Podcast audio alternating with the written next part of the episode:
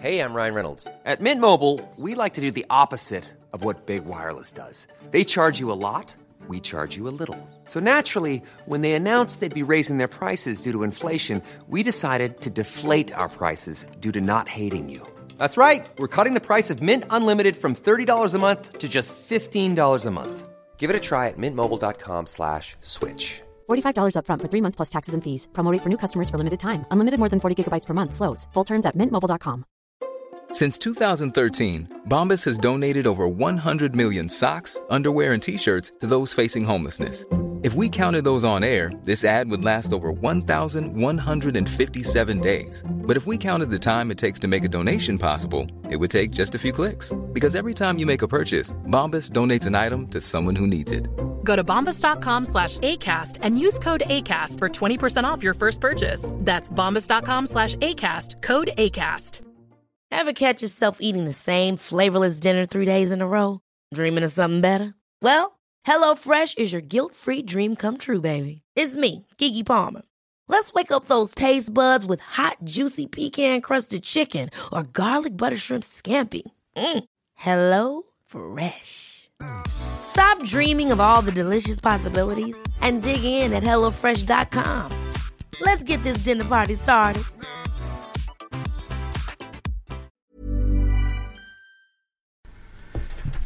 Se, ska man smsa till alla barnen här så de får lite att... Men du Glenn. Jag ska smsa det, det receptet till dig också sen. Ja, okej. Okay. Så kan Camilla göra det i alla fall va? Ja, det kan jag. Jag, jag, jag kan, kan göra det också. Men jag vet inte hur avancerat det var. Jag kan ingenting. Nej, men, men, men du är bra på språk i alla fall. Språk ja. ja. Men då måste jag fråga dig Glenn. Varför heter det hungerstrejk? Man borde ju heta matstrejk eller? Hungerstrejk ja. Men det är bara för man strejkar hungern. Eh, man blir ju hungrig. Men ja, ja fan fråga inte mig. Nej, jag vet inte. Men du gillar ju TV också va? Du har ju problem med dina kontroller. Kastar du dem typ så i väggen och ibland? Händer det när. Liverpool släpper in mål? Nej, inte. Nej. Inte? Nej. Nej. Det, kuddar och sånt kan flyga men inga apparater och så. Okej, okay, det är lugnt. Men jag tänkte på, du vet när batteriet tar slut på en fjärrkontroll. Ja. Har du tänkt på, då försöker man ju trycka hårdare som fan. Ja. Varför gör man det? Det vet jag inte. Men det hjälper ibland. Ja, ibland gör det Men inte ofta. Nej. Men det, det... Däremot kan det hjälpa om man tar upp och så, alltså där batteriet sitter. Ja. Och så rullar lite på det så här. Ja. För det kan ha blivit liksom Ja, just det. i Ja, ja. Så drar man lite här så börjar det funka. Ja. En, ett, en stund till. Ja, men det är bra. Bra. det brukar jag faktiskt göra. Alltså, man, till och med jag brukar inte ens ta ut utan Man bara rullar om i själva fjärrkontrollen ibland. Funkar Mm. också då va. Jag, jag har tänkt på en grej. Vissa människor läspar ju. Eller hur? Ja. De har ju svårt att säga S. Mm. Men om det är människor som har svårt för att säga S. Varför sätter man då ett S i ordet läspa? Är inte det konstigt? Det är ju ett, det är ett hån mot de som har problem med att säga S ju. Eller? Ja, ja. Kan de hitta på ett bättre ord? ja. Ja, jag vet inte.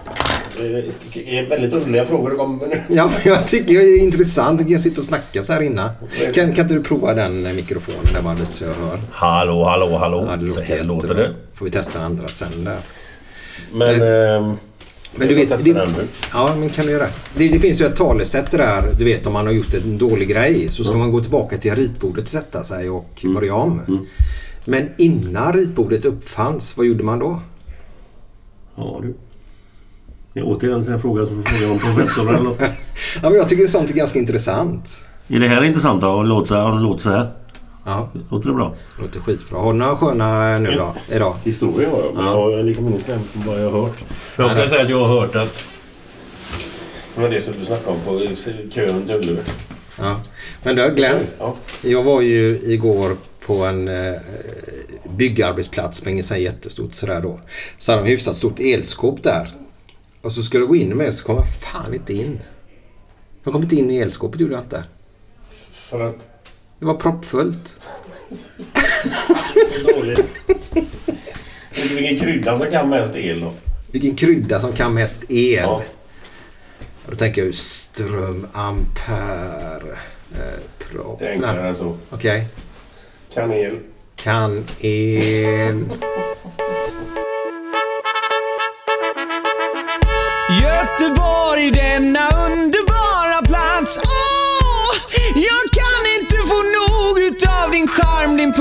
din doft. Doft. Du är staden som får mig att le. Yeah.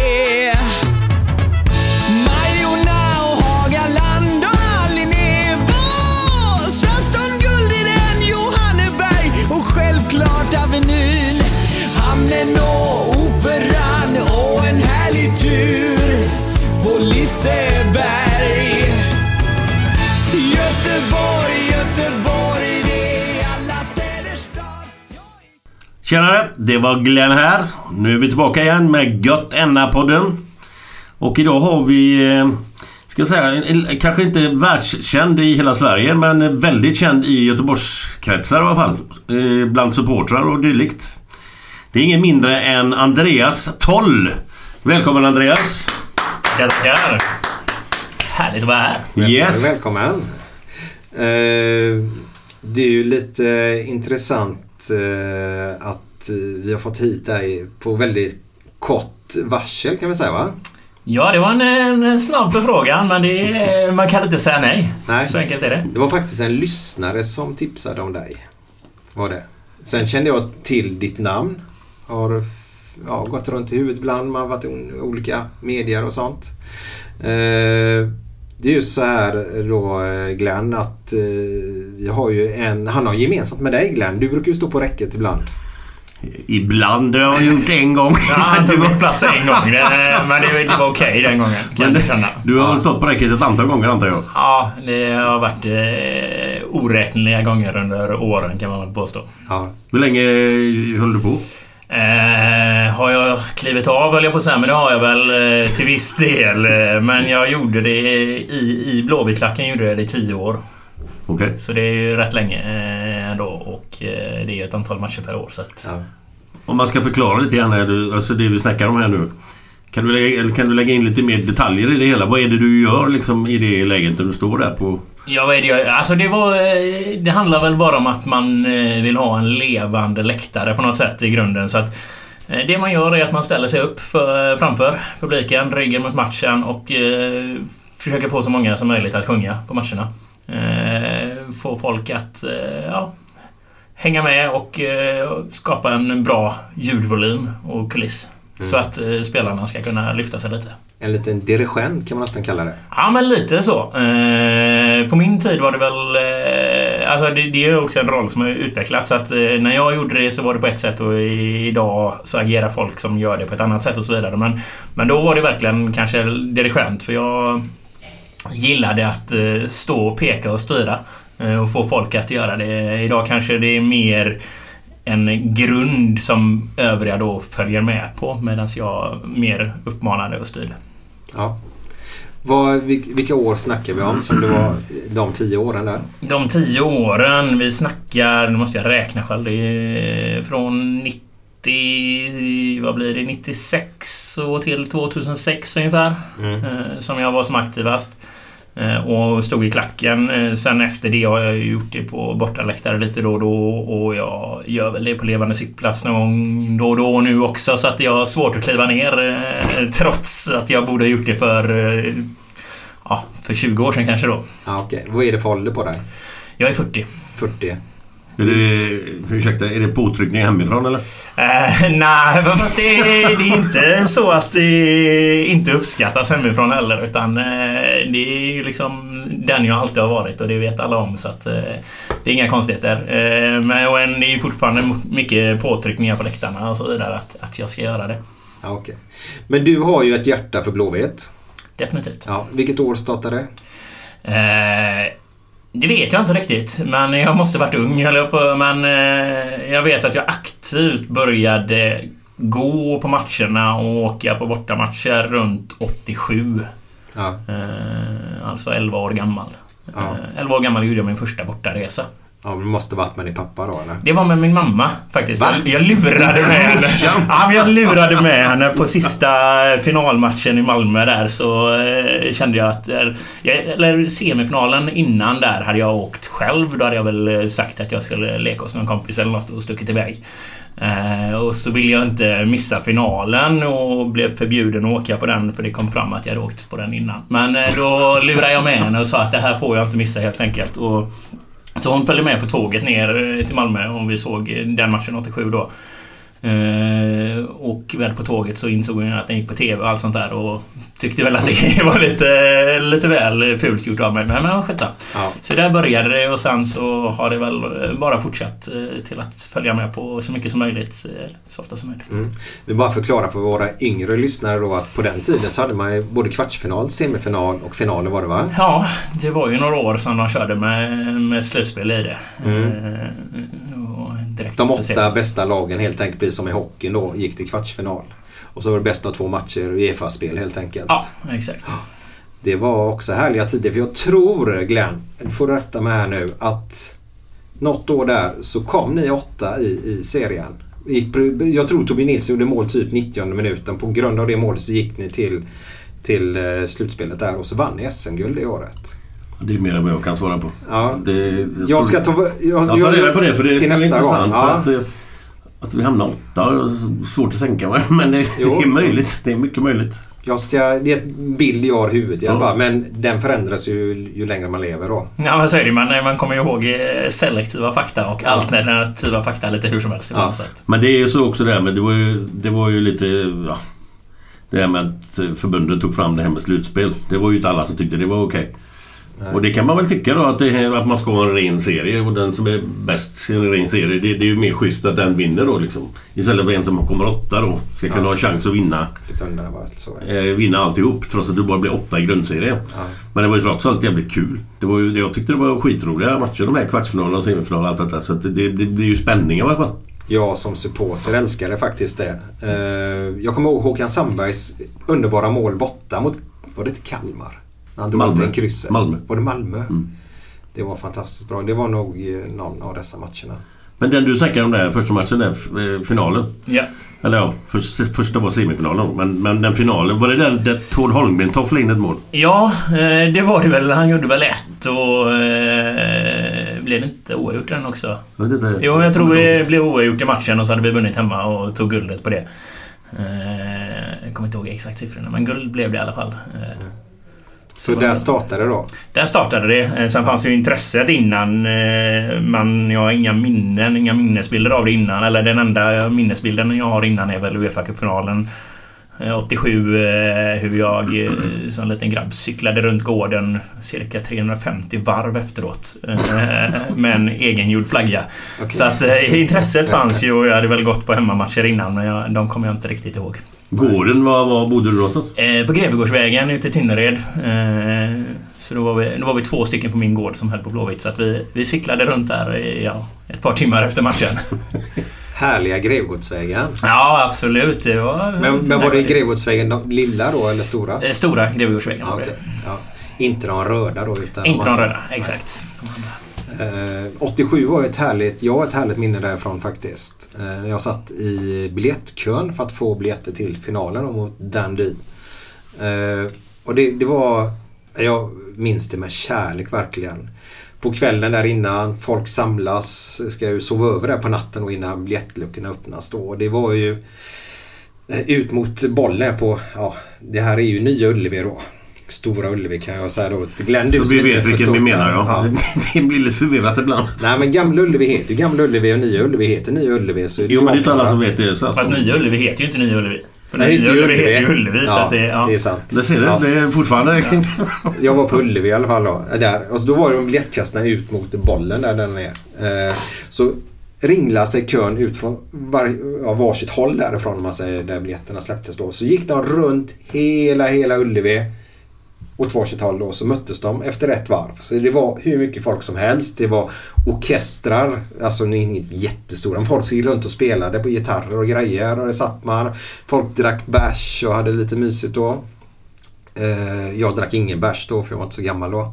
Eh, men så ligger man där och så ju tidigare blir på natten eller senare blir på natten tidigt på morgonen där så, så blir man ju trött så somnar man ju till lite då. Men fast det var ju så uppriggat bra. Men så vaknar man ett jävla myller. fan händer? Då börjar de som låg sist i kön börja tjurrusa. Och när en tjurrusning går och det väl börjar, alla börjar tjurrusa, då går det inte att stoppa det. Så alla typ två timmar innan luckorna ska öppnas bara pressas dit bort. Och det blir Ja, jag var ju väldigt kort även på den tiden. Så, så det var svårt att få luft alltså. Så alla bara knudde fram. Det var så jävla osvenskt på något sätt att vi står sist i kön, nu kör vi en tjurrusning och så blev det det. Men det var ingen som, var ingen som svimmade av så eller? Som... Nej, nej det var det inte. Jag var väldigt nära faktiskt. För jag fick ingen luft då. Många folk runt så då va. Men eh, ja, det var ett minne faktiskt. Men det är så jävla osvenskt. Ja, jo. Ja, det var 87. Det var 87. Det, Ja. var, det var då det började för min del. Men jag vet ju om det här nu Andreas att du kan fantastiskt mycket om Blåvitt på eh, många sätt. Eh, den här podden är ju, folk har ju frågat oss inom poddvärlden då varför vi inte spelar in 5-6 avsnitt. Så har vi det i en, en och en halv månad framåt. Det är att vi vill vara aktuella. Så vi spelar in, alltid det avsnitt som vi sänder spelar vi in samma vecka som det sänds. Eh, och där då så blir det sjukdomsgrej och jag och Glenn har pratat länge om att vi ska göra en om supporterskap. Och nu blir det lite tidigare med dig då Andreas. Eh, men det med aktuella vill vi ju säga är ju att bland annat att då en viss herre här nu ska gå kanske till Djurgården och bli utlånad. Eh, vad säger du om det? Ja, men det är ju alltid känsliga saker eh, så, men, men, men eh, där är väl vi supportrar lite dumma i huvudet. Eh, Kanske och inte ser världen för vad den är, kan man väl säga. Det, det har man väl lärt sig eh, genom åren. Och det är klart att det känns fel att se vissa spelare i andra klubbar och speciellt i vissa andra klubbar då. Men om, om, om Engvall skulle gå till Djurgården nu då det må väl vara hänt. Han var ju inte en spelare som var någon jätteperiod i Blåvitt och han var omtyckt på alla sätt och en fantastisk eh, människa och så men det var ju inte så att han är uppvuxen i Göteborg och eh, har hela den bakgrunden så att man får väl köpa att han, eh, att han väljer något annat. Det är ju inte så himla konstigt. Nej, nej. Eh, eh, sen kan man ju... Det är ju sällan man önskar att någon går till Danmark eller liknande men eh, det är klart att man här hade kunnat känna att men vad fasiken ska du starta om och vill komma igång så kunde du gjort det någon annanstans så hade du haft våra våra sympatier kvar på ett bra sätt. Eh, vilket han eh, kanske då kommer tappa nu. Men spelare går ju mellan klubbar hela tiden så att det, är- det är ju inget konstigt. Men kommer det att bli buande från Blåvitt när han spelar i Djurgården? Om han nu gör det. Men det är, inte, är det klart eller? Nej, inte klart men Nej. det är väldigt nära om jag förstår det rätt. Men kommer det att bli buande och grejer från publiken här då? Det kommer ju säkert finnas en hel del som buar åt det. Absolut. Eh, Men det är, det är ju våran roll Ja, ja. som supportrar. Ja, ja, ja, Alltså, vi är ju där, Absolut. vi är ju där för att... Av en, andra, en enda anledning och det är ju att det laget vi håller på ska vinna. Eh, och det gör man ju genom att lyfta de egna. Men man gör det ju lika mycket genom att trycka ner de andra så att de inte ska kunna prestera bra. Så att det är ju, det är ju lite rollen att faktiskt störa ut eh, motståndarlaget också. Men du, när, när du står där på läktaren med ryggen på plan. Ser du någonting om matchen? Nej, de tio åren har jag inte sett någonting i princip. inte det Nej, tråkigt? ja, men, men, alltså, men, du du vänder om någon gång då och då? Eller? Jo, men det är klart man, eh, man följer matchen så gott det går. Men, det är, men man missar extremt mycket. Eh, Ja, eh, man, man står på de här arenorna och eh, försöker hålla koll via storbilds-TVn i princip. eh, För att man tittar mer på publiken än på matchen. Eh, Men det är ju alltså... Det är ju en del av alltihopa. Eh, anledningen till att jag blev supporter... Eh, I grunden så älskar jag ju fotboll, självklart. Eh, och Blåvitt är ju laget som alltid har funnits med mig. Eh, men själva gemenskapen runt omkring och alla människor och så. Det är ju he- den helheten. Jag hade aldrig gått och tittat på fotboll eh, om inte det fanns. Jag är inte personen som sätter mig och tittar på eh, Champions League hemma ens nu. Alltså, eh, folk säger att det var fantastiska mål igår eh, och så vidare. Jag har inte ens sett dem. Jag bryr mig inte. Eh, det, är inte det är inte min grej liksom. Eh, Det är klart att jag gillar fotboll men det är Blåvitt jag älskar och det är liksom helheten runt omkring det som, är, som jag brinner för. Så att, det var lika viktigt för mig att få att få den atmosfären att funka för att det gav så jävla mycket. Och sen så är man väl kanske lite dum i huvudet och egenkär eller vad det är för... ja, men, eh, man hamnar ju i fokus på ett eh, sånt sätt. Eh, och det är väl en bit som har varit tilltalande också, antar jag. Mm. Den här supportkulturen, brödraskapet och det vi pratar om. En person som aldrig varit där, kan man förklara det för den människan? Nej, det går inte. Nej. Det, det finns inte alltså. Eh, Det är ju som att hänga med sina allra närmsta bästa vänner. Men man är 5000. Alltså det, för det finns ju så många runt om och i periferin men på något sätt så har man en samhörighet med alla oavsett vem du är och var du kommer ifrån, vad du har för bakgrund och eh, oavsett liksom. Så, men du, du, du, blir, eh, du blir en enhet, en familj med allihopa på något sätt. Så att det går inte att förklara när det, när det blir så många. Men ja, det, det, det är en sån... Någon kärlek, gemensam kärlek eh, som alla har som eh, för bröderna där. Så det- Det är tur att ni finns. Annars skulle det vara jävligt tråkigt. Förmodligen har det väl varit det. eh, Så är det. Jag hoppas och tror att vi tillför någonting eh, där vi är också. Gråzonen man säger mellan då att vara supporter till att ja, i tidningar då och media i huliganer då. Den, den är ju väldigt eh, liten om man säger. Eh, vad, vart drar du din gräns? Vart går eh, gränsen för dig? Den går väl alltså eh, vid att göra saker som... Alltså man får inte störa evenemanget fotboll. Nej. Det är liksom... Det är där jag... Sen struntar jag i vad folk gör på sin fritid och allt sånt där. Men evenemanget fotboll, eh, det måste hållas så att alla känner sig välkomna och vill vara där och eh, att man ska kunna utöka gemenskapen kring det. Eh, Så, så länge man är där för, för fotbollens skull så tycker jag att det är helt okej. Märkte, du- har du märkt någon skillnad på åren du har varit där uppe på läktaren? Liksom, hur förändringen har gått sådär? Och om det nu har blivit någon förändring? eller hur Det, det du är hur- definitivt en jätteförändring sedan början när jag började åka på bortamatcher och hur det ser ut idag. Det, det går inte att jämföra. Eh, Jag hoppas att jag har varit en del av den förändringen också, eller jag tror det. För alltså om man börjar titta på början av 90 90-talet när jag börjar få minnen från de här resorna man gjorde då. Då var det ju extremt stökigt. Då stökades det eh, från alla som åkte. När du snackar stökigt, vad innebär det? Folk uppförde sig inte. Så enkelt var det. Liksom det folk... Eh, folk mm, var störiga vart man än kom. Det snattades här och där. Alltså, man kunde gå in och länsa en mack hur som helst. Det var ingen som Ja, brydde sig. detta är blandat har jag hört. Då. Ja, nej, men så var det ju. Det- var ju de vanliga supportrarna, eller vad man nu ska säga, som gjorde detta då. Eh, och det var ju den bilden som målades upp av en supporter. Att så här är alla supportrar. Och då blev det lite, ja men... Är det så så är det så. Då får vi väl vara så också då. Ja, exakt. Det, det föder ju... Den nya som kommer gör ju likadant som de Ja, som har men lite så är det. Eh, och så är det ju definitivt inte idag. Eh, när, jag, när jag klev in i styrelsen i Änglarna och eh, sen, sen blev ordförande och så vidare. Då såg jag som en av mina viktigaste bitar, jag jobbade på GP på den tiden eh, som säljare. Eh, Men det innebar ju också att jag hade en väldigt nära kontakt till eh, journalisterna där.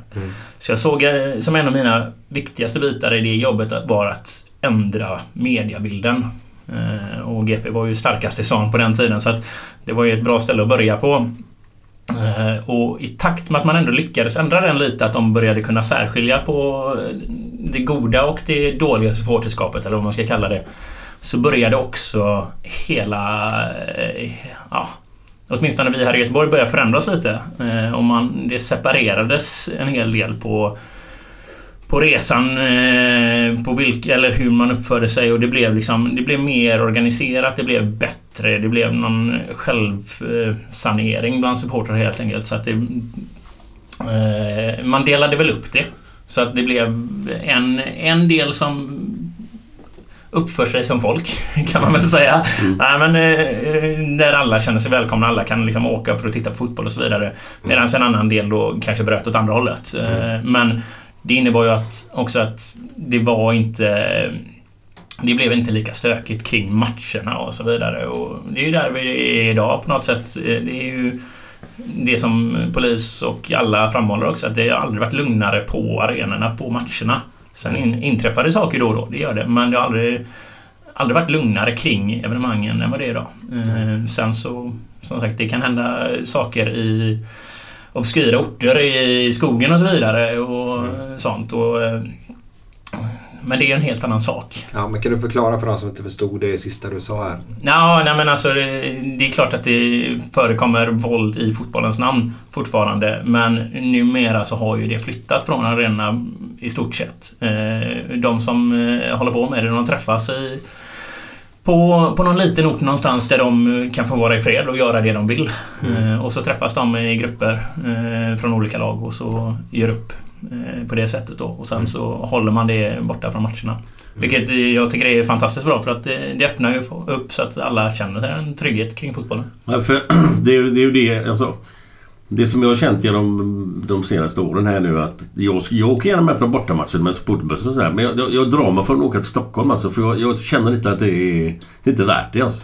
Jag menar, jag vet inte hur mycket som händer där eller inte. Men det, det kanske är som du säger att de är som, som, som ska slåss och bröta och hålla på och jävlas. De är ute i skogen då någon dag innan eller vad fan det nu är. Ja, Men de är som kommer till arenan med bussar. De, där, där är det lugnt alltså. Det är oftast lugnt där och, och Stockholm är ju en, eh, en, en ort med lite annat klimat än övriga Sverige kan man väl säga. Så det, där uppe är det hårdare, definitivt. Eh, Jag bodde själv där uppe i fyra år och eh, det är hårdare, man var lite mer på sin vakt och så vidare eh, i alla lägen. Men samtidigt är det också en sån faktor att eh, för våran del, eller för Blåvitts del, att ju fler vi faktiskt har blivit som åker upp till Stockholm, desto lugnare blir det. För att visst, eh, om vi bara kom 100 personer så kanske det kunde bli stökigare för att då var det lättare att eh, gå till angrepp mot oss. Men när vi kommer 3000 så, så inser de liksom också att vi ska hålla det här isär för att av de här 3000 som är där så är det de allra flesta är där för att se fotbollen och då blir det lugnare. Eh, Men visst, Stockholm är oftast en liten eh, obehagligare resa möjligen. Eh, Men jag vet inte när det hände någonting kring en match i Stockholm senast. Det är nog ett tag sedan ändå. Ja men det är skönt att höra för att jag får ju förfrågningar med folk som vill åka upp och kolla på den matchen. Det är ju för fan AIK man vill se. Ja, men det är Det ju är de den största matchen på hela alltså- året och då ska man ju inte vara rädd för att åka dit. Nej, nej men det ska man ju definitivt inte vara. Och, alltså, får man uppleva sådana saker som, eh, om vi går tillbaka till Engvall då, när han, när han ändå gjorde några mål mot dem eh, här eh, 2015 eh, och vi står 5000 Blåvitt där uppe på Friends Arena. Det var ju en magisk känsla där uppe. Eh, Så att, och det var fantastiskt och det var eh, hur lugnt som helst också. Så att det var inga konstigheter. Vad, vad, vad, vilken match eh, där du då står på räcket då är den bästa matchen som du har upplevt? Oh, den är ju jättesvår. Vi brukar bara ställa Ja, sådana det är en frågor. skitsvår fråga verkligen. Ja, du får men tänka alltså, den, det. den, den bästa upplevelsen jag har ändå är ju en match när jag eh, är ju ändå 2007 trots att jag hade slutat då. Eh, och stod inte på räcket längre. Men jag klev upp en gång igen på räcket. Men då var det just, alltså Dagens, eh, de som gör det jag gjorde förr använder sig väldigt mycket av teknik och mikrofoner och allt sånt där. Det gjorde jag aldrig, jag använde bara min röst. Och att få, gå upp och ställa sig på Ullevi Längst ner stod jag och eh, drar igång klacken och titta upp över Ullevi, alltså stå längst ner och ändå se att hela vägen upp, ända upp till taket på, eh, N-sektionen där, eh, att det är flera tusen människor som bara står och, ändå hör vad jag faktiskt eh, vill få dem att sjunga och sjunger med. Det var en, det är en fantastisk känsla. Ehm, men sen finns det många sådana liksom, alltså när man, när man får med sig sådana massor. Eh, Det är en kick alltså. Ja, men det är, det är klart att det är en kick att man kan få folk att vara tysta en sekund till att eh, bara vräka ur sig en jäkla massa ljud eller ställa sig och hoppa eller någonting. Att styra så mycket, det är, det är en jäkla kick. Lyser kärlek i dina ögon? Ja, men exakt när man, man pratar om det. Det är därför jag fortfarande har svårt att eh, ibland hålla mig borta från det och kliver upp. Eh. Men är, är det något... eh, Är det en oskriven lag vem som ställer sig där? Eller hur, eller hur är rangordningen där? Eller hur funkar det? Alltså, när du slutade, var det någon given som tog över då? Eller? Nej, eller det var hur? ingen given som tog över och jag pajade hela det konceptet egentligen. Jag ber om ursäkt alla blåvitare för det. Eh, men det var liksom en, en sån här oskriven regel att man höll på ett, kanske två år. Och sen så kom det någon som eh, lyftes upp, eh, eller som gjorde det då.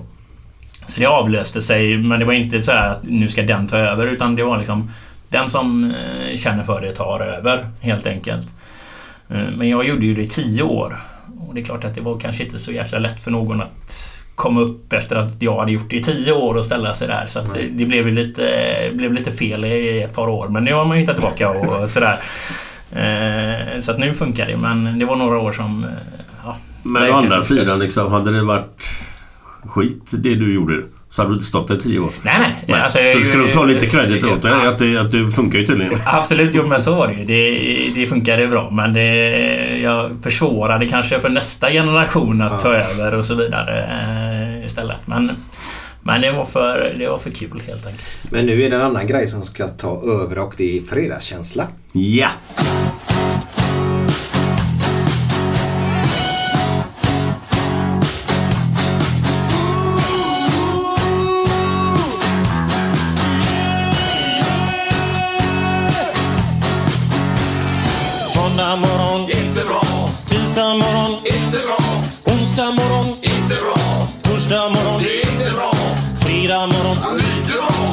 dans le trou.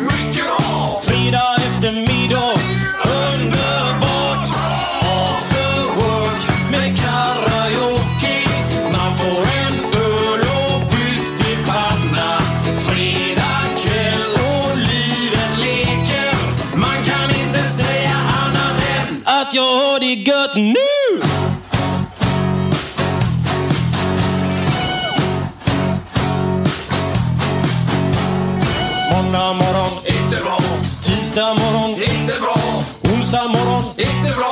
Torsdag morgon,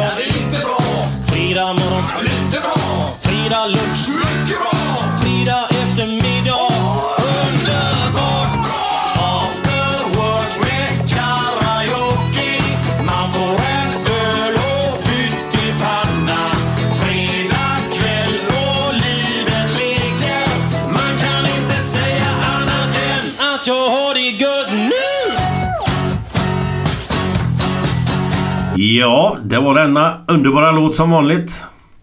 Det var alltså Björn Rosenström med eh, After Work. Gött, Grym den låten. God fredagslåt som vanligt. Men Glenn, Ja, du har glömt sätta nivån. Eller jag har glömt att säga till dig att sätta nivån. Så jag ber om ursäkt. ja. Ska vi ta en kort eh, sätta nivån eller hur ska vi göra tycker du? Ja, men det är du som sätter nivån, det vet du väl jag. Ja, ja. Vad heter den eh, farligaste drycken i Alperna? Farligaste drycken, Drycken i Alperna. i Alperna. Och jag... Dela vin. Ja, men jaha, den har jag hört ju. Oh. Den här då?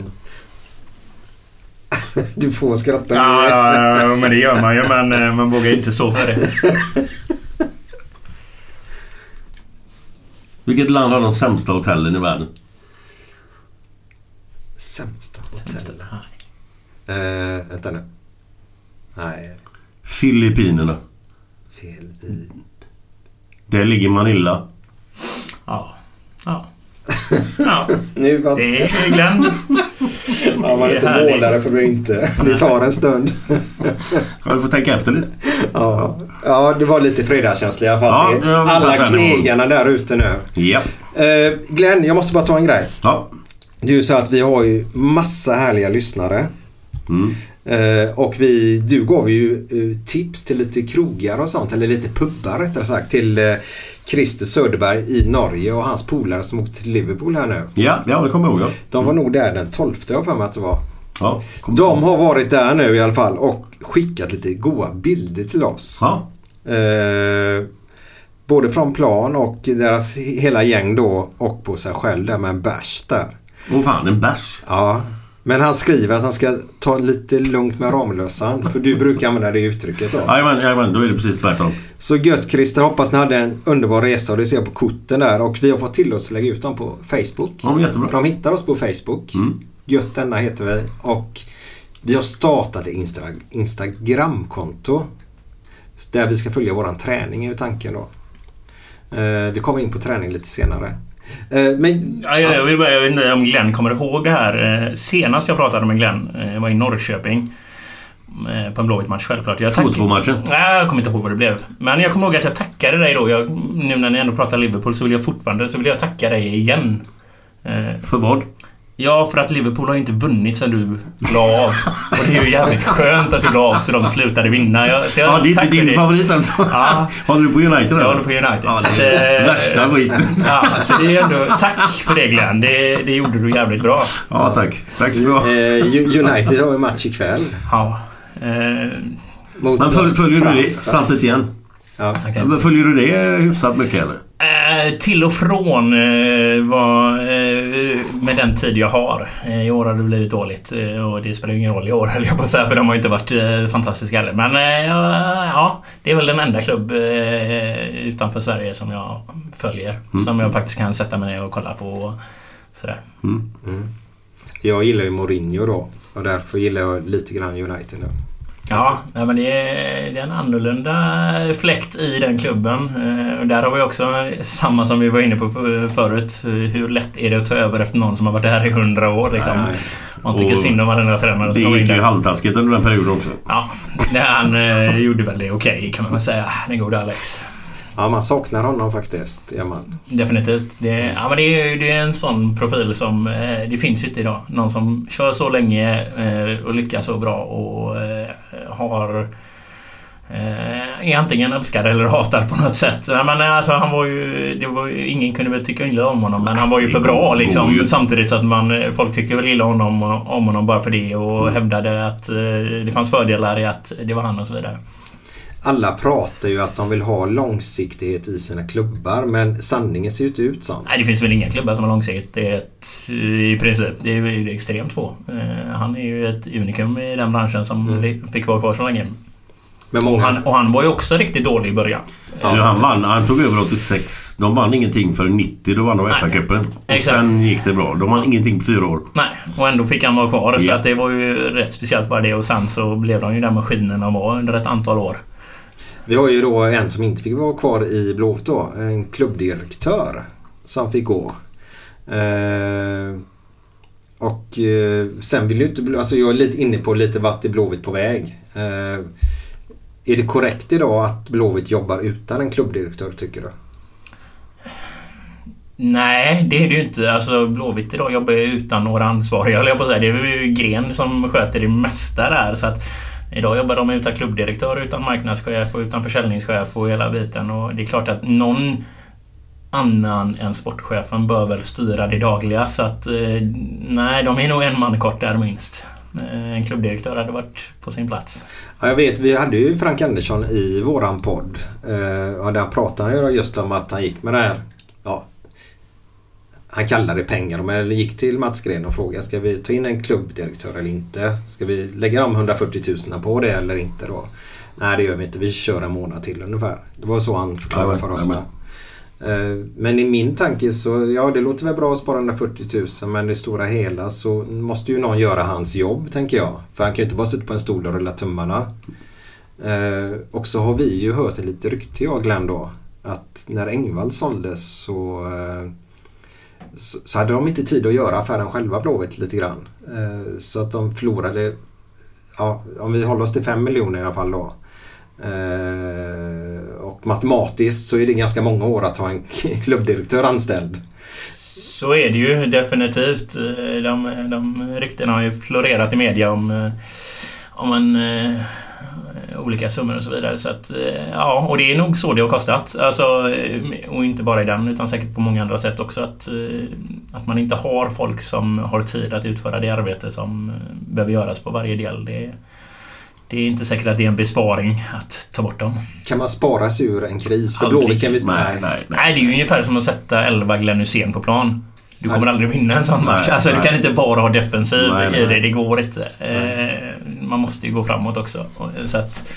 Nej, jag känner väl kanske att det är lite fel väg att gå så som man har gjort nu. Eh, man måste våga satsa mer. Eh, och det är klart att vissa personer och vissa poster i klubben kostar, men förhoppningsvis så frigör de utrymme för att andra ska kunna få in pengarna och på olika sätt.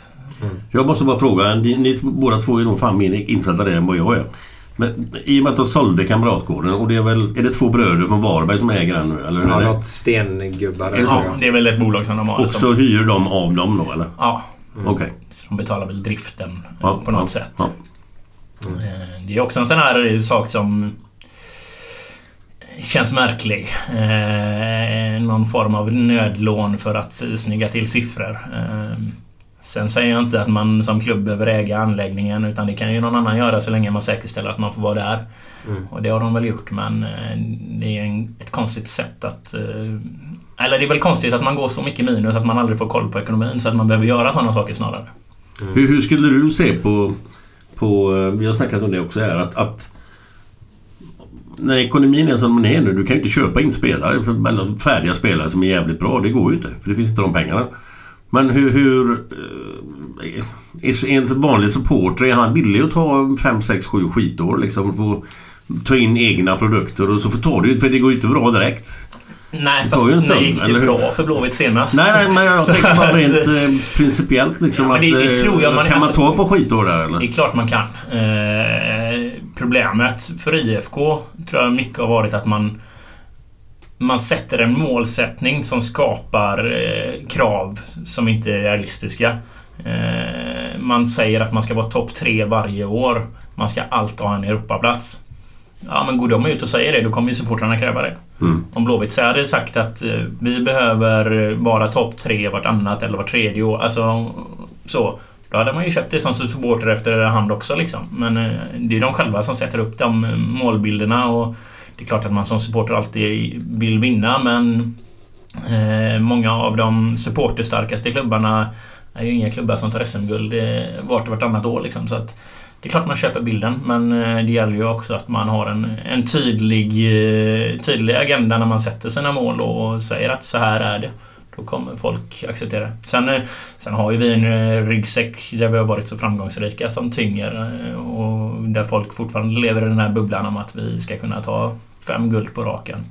Eh, Trots att vi har tagit ett guld på 20 år. Det, det är ju inte rimligt liksom att Nej, tro att vi nej. ska ligga topp tre varje år om vi, inte, om vi inte är bättre än vad vi faktiskt är. Nej, och just det där vi pratar 5, 6, 7 skitår. För det behöver inte det föda framgångar efter sju år heller. För de sticker ju direkt då eh, fotbollsspelare om de får möjligheten då på ett annat sätt. Det gör de. Det är- Världen har blivit mindre och pengarna större så att de tar ju sina chanser. Vad, vad, vad tror du om det här då? Den här eh, regeln, den här 51-49 procent.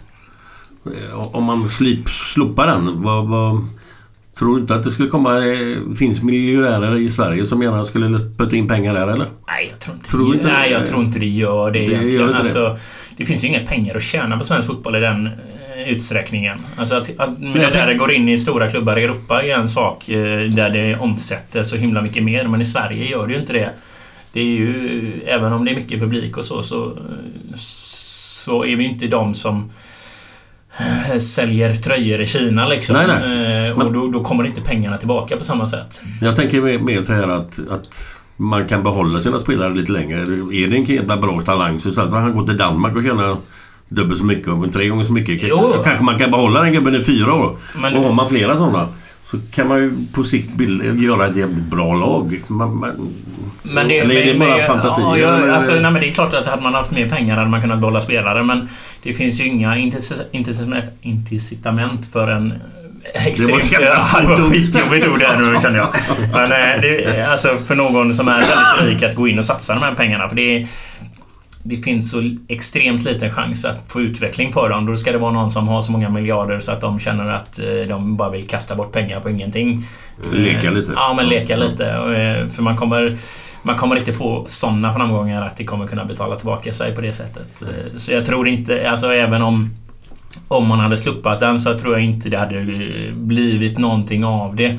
Och enda risken är väl att någon människa hade gjort det och en klubb hade fått alla pengar i sådana fall. Och då, eh, då hamnar vi i en jäkligt tråkig situation i Sverige ändå. Eh, Där man inte kan spela sig ikapp. Så att, det är väl bra att vi är lite mellanmjölk eh, på den biten i Sverige kanske. Det, det gör väl ligan lite intressantare och, och att man följer den lite mer med hjärta. Ja men så är det. Hjärtat måste vara med. Ja, definitivt. Du har ju en supportkultur här i Sverige som jag faktiskt gillar. För du pratar ofta Glenn om att vi måste titta hur de gjorde i England för att bli av med våldet och detta då kring. Men det är ju som du säger, det, det är ju faktiskt lite lugnare runt arenorna just nu och inne på arenorna. Det vi pratat om mycket i slutet, det har varit bengaler och så bangers då. Ja. Men det är ju, var det någon som skickade, var vi någonting, var det till Liverpool? Någonting? Det var Jo, något. du sa det men jag kommer fan inte ihåg vad det var för något. Sådär. Men skulle vi ta väck den sköna supportkulturen vi har i Sverige. Som jag Då har vi tycker ingen produkt kvar. Då har vi ingen produkt kvar. Nej, vi har ju inte det. Så, så, så vi måste ju värna om ståplats, att vara kvar där så att det blir sittplats överallt. Och, alltså, och jämför man då, vad, vad är det England har gjort egentligen? Eh, med sin, alltså historiskt sett. Det enda de har gjort är att höja priserna. Vilket har gjort att man har exkluderat medelklassen från att kunna gå på fotboll. För att ingen har råd att följa sitt lag så slaviskt. Så de, England har samma problem som de alltid haft. Bara det att de har det inte i Premier League längre. De har det i division 2. Där ser det likadant ut. Men de har betydligt mer kontroll på vilka som går och inte går och sådär. De- I Premier League ja, absolut. ja. Där, det har de det. Men, Kameror på läktarna överallt. Liksom det är Ja. helt extremt. jo, men det, Men det de. kostar ju pengar som Det fan, kostar pengar som fan också. ja, ja. Och sen så Alltså de har ju gått för långt i många fall där de liksom... Eh, ja, där det finns folk som har blivit av med sina årskort för att de ställer sig upp på en match. Ja, men det går ju lite långt. Det, det är exakt så, Ja, så de har ju överdrivit i många fall. Och, och man ser ju nu... eh, Nu börjar ju klubbarna i England eh, jobba på att få tillbaka ståplatsläktarna. Mm. Eh, United är ju drivande i, i det att de vill göra om ena kortsidan till ståplats igen. Mm. Det har gjorts i Skottland. Så att den, de börjar nog inse att det, ja, folk... Det de har tappat är ju väldigt mycket att, hjärtat framförallt, men atmosfären. För det är ju inte... I England har de bra fotboll, men de har ju inte den atmosfären på samma Nej, sätt i. Premier League. Och den vill de ju få tillbaka och jobba på det. Eh, Så England är nog inte rätt modell att titta på hur man har gjort. eh, För att lösa problemen på, eh, på läktarna. För då, då, det skulle inte vi ha råd med i Sverige, att tappa den delen av publiken. Eh, Att tappa alla yngre som inte hade haft råd att gå på fotboll. För då, då har vi inte mycket, mycket att gå för. Jag vill ha fram det just att de gånger jag har varit i England och kollat på fotboll så just inne på arenan så har det fan varit... Man har ju somnat nästan alltså. Det har varit så fantastiskt dålig stämning. Ändå så såg jag Arsenal hemma mot Liverpool. Mm. Gjorde jag. Och det var skitstämning på läktarna faktiskt. Det var ju roligt innan och efter så är det ju skönt där med pubbarna och alltihopa. Ja, men atmo- alltså, de, har ju en underbar atmosfär som de kan ta fram, men eh, de flesta har ju, som sagt, eh, de har ju tagit bort så stor del av publiken som inte har råd att följa laget kontinuerligt. De kanske har råd att gå på någon match då och då, men de kan liksom inte vara där och skapa den här känslan hela tiden. Eh, Och sen de- byggs det ju större och större arenor för att de ska tjäna mer och mer pengar. Och ju större arenorna blir, ju sämre blir stämningen. Ja, men så är det Man kan också. bara se på Anfield, de byggde på 10 000. Mm. Fan hjälper det? Pengar på dem, ja visst. Men det är fan inget tryck där inne. Nej, det är för att de ska kunna ta in mer turister helt enkelt som inte kan sångerna ändå. Ja, nej, men lite så. De, de, de vill ha dit eh, de här långväga som eh, bara fyller ut platser och ökar ekonomin. Men det blir ju inte... eh, Ja, produkten försämras ju. Om man Ja. nu får kalla fotboll för en produ- produkt. Ja men det är det. Men han eh, innermittfältaren United, eh, Dåren, eh, som blev sen Irland där förbundskapten fast han Ja, var du menar Jew? Eh, Nej. Eh, ja, ja, ja. ja, Dåren. Ja, jag vet. Men han spelar inte nu. Nej, nej, nej. Nej, nej. Han blev väl är- förbundskapten för Ja. Irland eller någonting. Alltså Ja. vice. Eh, Roy Keane. Roy Keane. Ja. Han sa ett uttryck som eh, faktiskt eh, var ett väldigt bra uttryck för att förknippa den engelska fotbollen då. Han hatade lördagsmatcher, älskade onsdagsmatcher. För på onsdag, onsdagar var det betydligt färre turister och tittade. Mm. Och på lördagar var det mycket sämre stämning mot vad det var på onsdagsmatcherna. Då. Ja, men det, Så, eh, det känns helt logiskt på något sätt. Och, men man går ju mer och mer mot eh, att, att försämra, höll jag på att säga. Men nu börjar man ju vakna i England också. Eh, Ja. Och det är ju positivt. Men vi måste vara rädda om vår kultur vi har här i Sverige. För den är fantastiskt bra. Det är den. Och som sagt, det blir ju bättre och bättre eh, på läktaren också. Eh, så att, eh, att försöka hitta problem med sånt som kanske inte är problem eh, är tråkigt att man grottar ner sig. Men det är vi duktiga på i Sverige också. Vi gillar att gnälla lite så att man vill eh, hitta de här problemen. Men det är ju det som är, det är, det som är grejen att all, allt skit står ju i tidningen ju. De är 99, kom- 99 som sköter sig. De får ju aldrig någon credit. Hamnar ju aldrig någonstans. Nej, Eh, det är så ju är så det. jävla tråkigt. Jo, jo, men vem skulle in och läsa det? Nej, men det är ju det som är så jävla tråkigt. Det är ingen som klickar på något Nej, kul. nej, för fan. nej. Negativt. Men samtidigt så måste jag alltså knacka över bordet här lite grann. Vi sitter i ett rum och jag måste förklara. Vad kan det vara? Tre kvadrat Ja, något sånt. ungefär. I olika vinklar och vrår. I, du hystar in oss i ett uh, skyffe här. Jag tycker det är skitmysigt inne. Man känner alla dofter och lukter och allting. Plastblommor Plastblommor också. och allting. Det är inte dumt. Fick, fick jag en liten stol för att vi skulle få plats då. Ni Du, tog två det var du själv som sa att du har ju minst. Så Ja, jag sitter jag får inte plats här inne. Men vad var jag nu snurrar jag iväg här. Jo, det är ju... eh, Ta i trä sa så slog jag i bordet här lite grann. Eh, Jag gillar ju hets.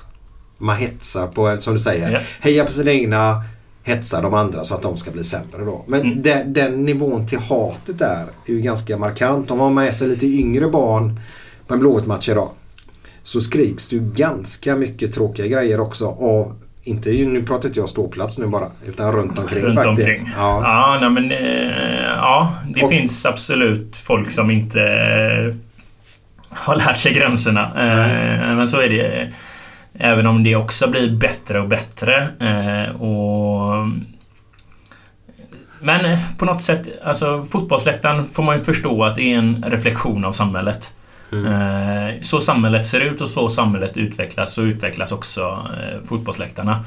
Eh, Och det är ju ett hårdare klimat i samhället idag. eh, Där folk...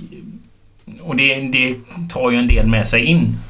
Eh, Vilket gör att det blir en del negativa saker. Så visst, det skriks en del som eh, inte är bra, men samtidigt är det en självsanering också. Eh, om man ser den delen på Ullevi där jag håller till eh, på levande sittplats.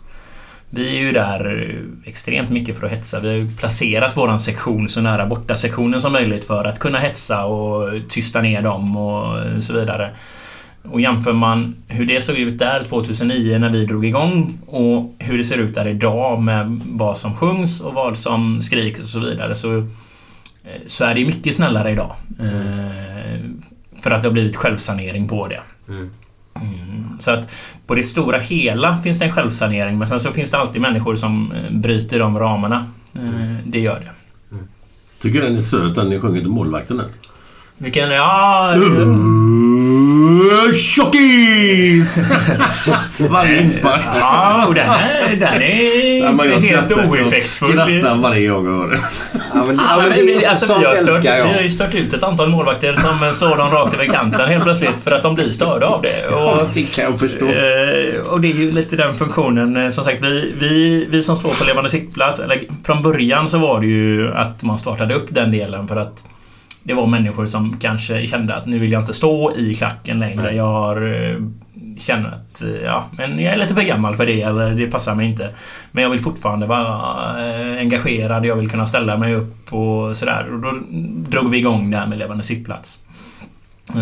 Så att det är många som har gått har varit med i supporterlivet väldigt länge men känner att klacken inte är rätt ställe utan man vill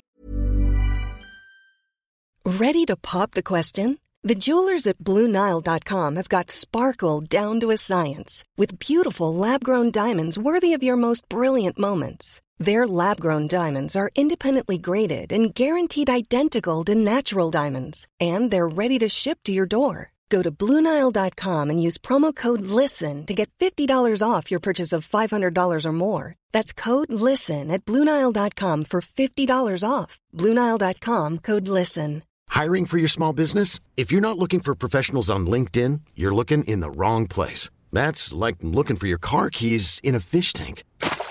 LinkedIn helps you hire professionals you can't find anywhere else, even those who aren't actively searching for a new job but might be open to the perfect role. In a given month, over 70% of LinkedIn users don't even visit other leading job sites. So start looking in the right place. With LinkedIn, you can hire professionals like a professional. Post your free job on linkedin.com slash achieve today.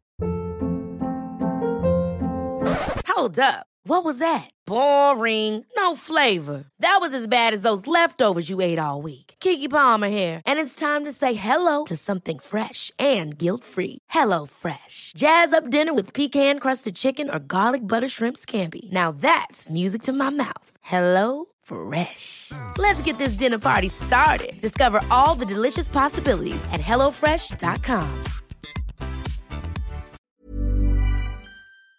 Man stå bland sina jämlika.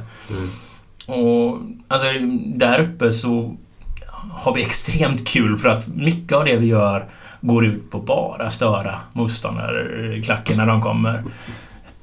Jag skulle säga att en 50-60% av det vi sjunger startas av motståndarklacken. Alltså de börjar med någon sång och då tar vi över melodin.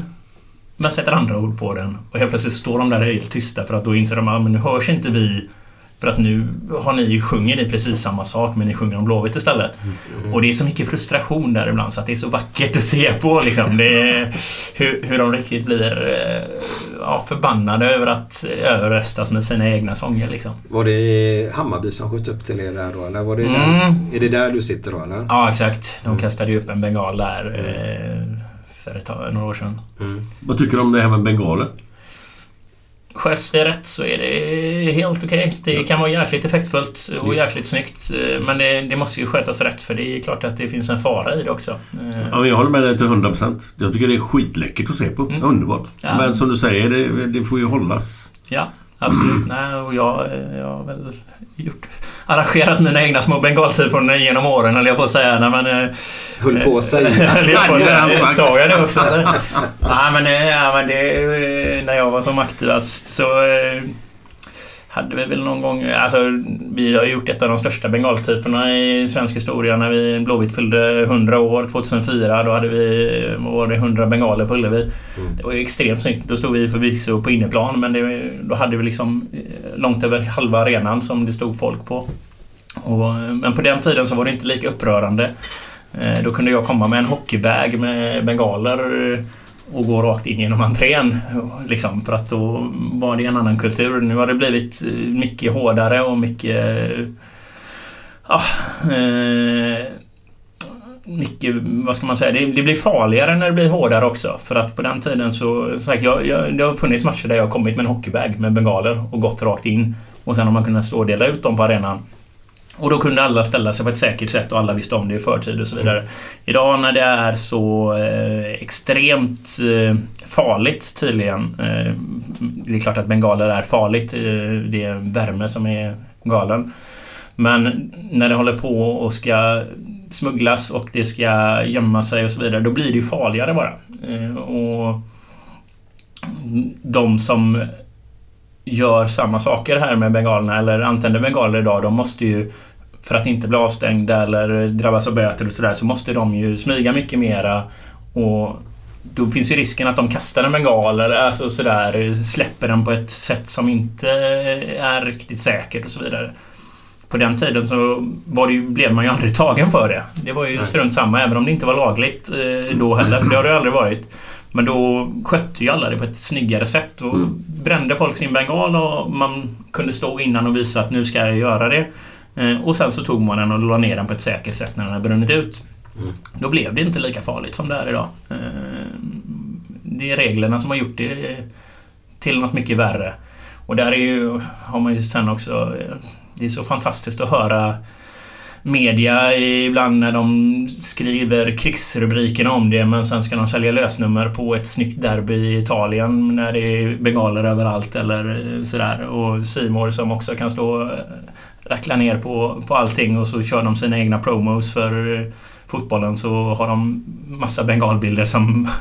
Alltså det är inte så en dubbelmoral men dubbelmoralen finns i fotbollen extremt mycket eh, på många plan och det, det är väl tråkigt. Det är tråkigt. Det ger mig ångest.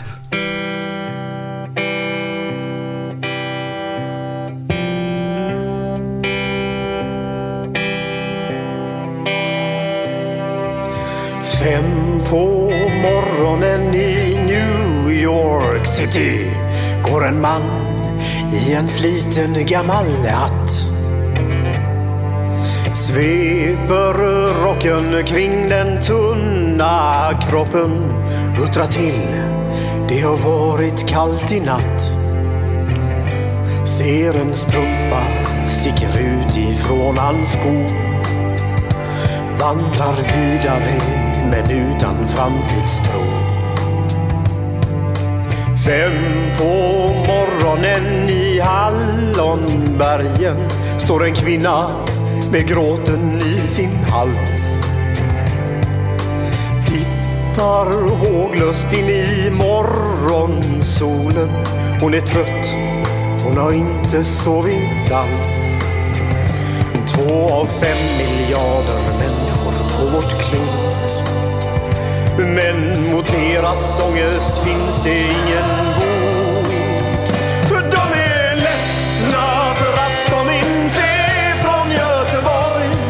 De kan inte se hur Gustav Adolf pekar på sitt torg.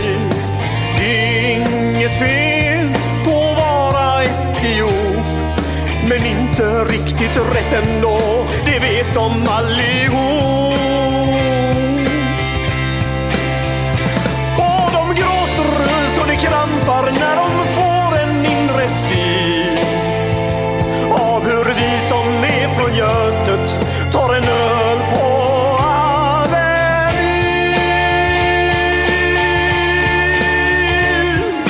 En fotbollskille får sitt genombrott och snackar proffskontakt med fem italienska klubbar. Ändå känner han att tåget har gått. En annan gubbe med en ollontusing och en latextjuva skriker ta mig ur röven gubbar. Men det ger honom inte nåt. Samma tomma blick och tårar salta smak. Om man frågar säger båda samma sak. De är ledsna för att de inte är från Göteborg. De kan inte se polisen dunka buss på Schappans torg. Det är inget fel på att vara från Mölndalsbro. Men 14 stopp med fyran svider mer än man kan tro. Och de gråter så det krampar när de får av hur vi som är från Götet, av hur vi som är från Götet Ja, det var ytterligare en, en god låt. Jävlar anamma med De är ledsna. Med De är ledsna? Nej, det är Jävlar anamma det heter grabbarna. Låten heter De är ledsna. En av de mest fantastiska låtar som har gjorts ändå. Ja, riktigt bra låt. Riktigt bra. Ja. ja, men det kommer en bra sen också som vi ska bjuda Härligt. på. Eh, vi pratade ju om bengaler där faktiskt. Eh, och vi hade lite mellansnack här nu och eh, Ja, vi är väl lite ense om faktiskt att vi skulle vilja ha bengaler runt fotbollen. Det tycker fast, jag absolut. Så länge de sköter det bara. fast på ett säkert sätt då. Eh, och vill man så kan man säger jag då. Genom lite små ändringar bara. Ja, absolut så går det. Alltså Norge har ju kört, eller kör ju nu. Där har de ju sagt att sök tillstånd, eh, visa upp att ni gör det på ett säkert sätt så är det helt okej. Mm. Så där har man ju gått från ett förbud till att faktiskt jobba med supportrarna och hitta lösningar. Mm. Det gör man ju inte i Sverige. Eh, Här jobbar man ju mot supportrarna i de flesta fall så att eh, då blir det svårt att hitta lösningar när man inte pratar med varandra. Men då måste jag bara fråga dig, du som faktiskt är insatt då. Eh, är det de där eh, Svenska fotbollsförbundet som styr detta eller vem är det som styr det? Det är väl, eh, det är väl SVFF eh, tillsammans med polis och eh, regering, alltså hela vägen upp. Det går väl tyvärr från toppen. SEF är ju en förening som däremot är väldigt medgörlig nu för tiden som faktiskt har börjat prata med supportrar och det är ju, det är ju fantastiskt roligt att de gör det. Alltså Svensk Elitfotboll som är klubbarnas intresseorganisation. intresseorganisation. Men eh, man möter motstånd eh, från fotbollsförbund och man möter motstånd från de som ändå tar besluten högst upp. Där är det ju, alltså det är så tragiskt att det utses ju lite då och då någon samordnare från regeringen som ska ta hand om de här problemen kring fotboll. Eh, och det finns ju en en förening som heter SFSU, alltså Svenska Fotbollssupporterunionen. Och när de har årsmöte och bjuder in samordnaren så kommer de inte. Då vill Nej. de inte prata. Det är ju jättekonstigt att man, att man inte vill prata med dem som man faktiskt skapar regler och lagar för. När det är en så stor grupp eh, som man ska göra det för. Som man säger. Men det är fan omöjligt att komma in där och hitta någon förändring känns det som. Ja. Det, så- det, det hade varit jättelätt. Dialog. Jag vet, jag vet. men, men det är svårt. Men- Men, men det- men när folk inte vill prata så blir det jättesvårt. Jag tar bara här nu, jag läste på text-tv faktiskt om Vittsjö. De, de, Damlaget, ja. ja. De ska inte få spela kvar på sin arena. De fick avslag på dispensen för den arenan höll inte måttet. Vet, vet du vad problemet var? Nej, jag såg ju reportage där lite grann av det. Ja. De hade 640 sittplatser. Men de måste ha 800 annars är det inte godkänd. Det är löjligt för fan. Alltså jag blir eh, eh, arg faktiskt. Då, då ska de söka sig till en annan kommun. För de, det finns ingen där nere de spelar. finns inte i hela kommunen en arena som har 800 sittplatser. Det finns ju så mycket regler som blir så löjliga eh, och som bara läggs upp som regler trots att de saknar grund egentligen. Det, Vad ja, fan det tog väldigt- sunt förnuft vägen någonstans i de lägena? Ska de inte vara glada att de har publik? Alltså ska de lägga sin Nej, match nej, 10 mil? Som stackars Hässleholm var det väl också va? sjukt. De fick, deras arena var inte godkänd för Superettan. De fick ju spela på Helsingborgs Mm. arena där. Det är ju helt sinnessjukt. Den klubben är ju helt död nu. Vittsjö kommer ju också. De kan ju lägga ner det sen ju. Inte en människa. Nej, alltså de, de regelver, regelverken som finns till, kring vad man får spela blir ju extremt löjliga. Alltså sådana här, hur många sittplatser ska det finnas? Hur många pressplatser måste det Ja. finnas? Alltså, Under tak. Ja, exakt. Alltså det, det måste väl vara anpassat efter intresset. Fyller man liksom vad man har intresse för eller uppfyller dem så, är- så borde det väl vara helt okej. Ja, men Kan de sitter på sina jävla rövar där uppe och bara beslutar. Jag har inte en aning vad som händer ute på, på, på eh, fältet. Jag tycker kommunerna ska ta dessa kostnader då va. Vet du vad jag skulle vilja ha? Vad vill du ha? Jag skulle vilja ha, eh, de, många har ju pratat om det, eh, på Gamla Ullevi då, som är Gamla Ullevi då. En, en härlig ombyggnad där klacken står bara en sektion helt enkelt. Det hade varit fantastiskt. Eh, ja, det hade varit eh, skitbra. Eh, och nu vet jag inte om det stämmer, men jag var ju med mycket i projekteringen kring Gamla Ullevi också. Är det man- ditt fel att det Ja, blev det som det är blev? mitt fel att det blev... Nej, men vi hade ju uppe den biten då också. Och om jag bara ska lita till vad man sa till oss då så handlade det ju om att Ytan där man byggde Gamla Ullevi är ju jäkligt begränsad för det finns... Man äger en viss del av marken och det ligger tennisklubben och det ligger lite sådär. Så man hade en viss yta.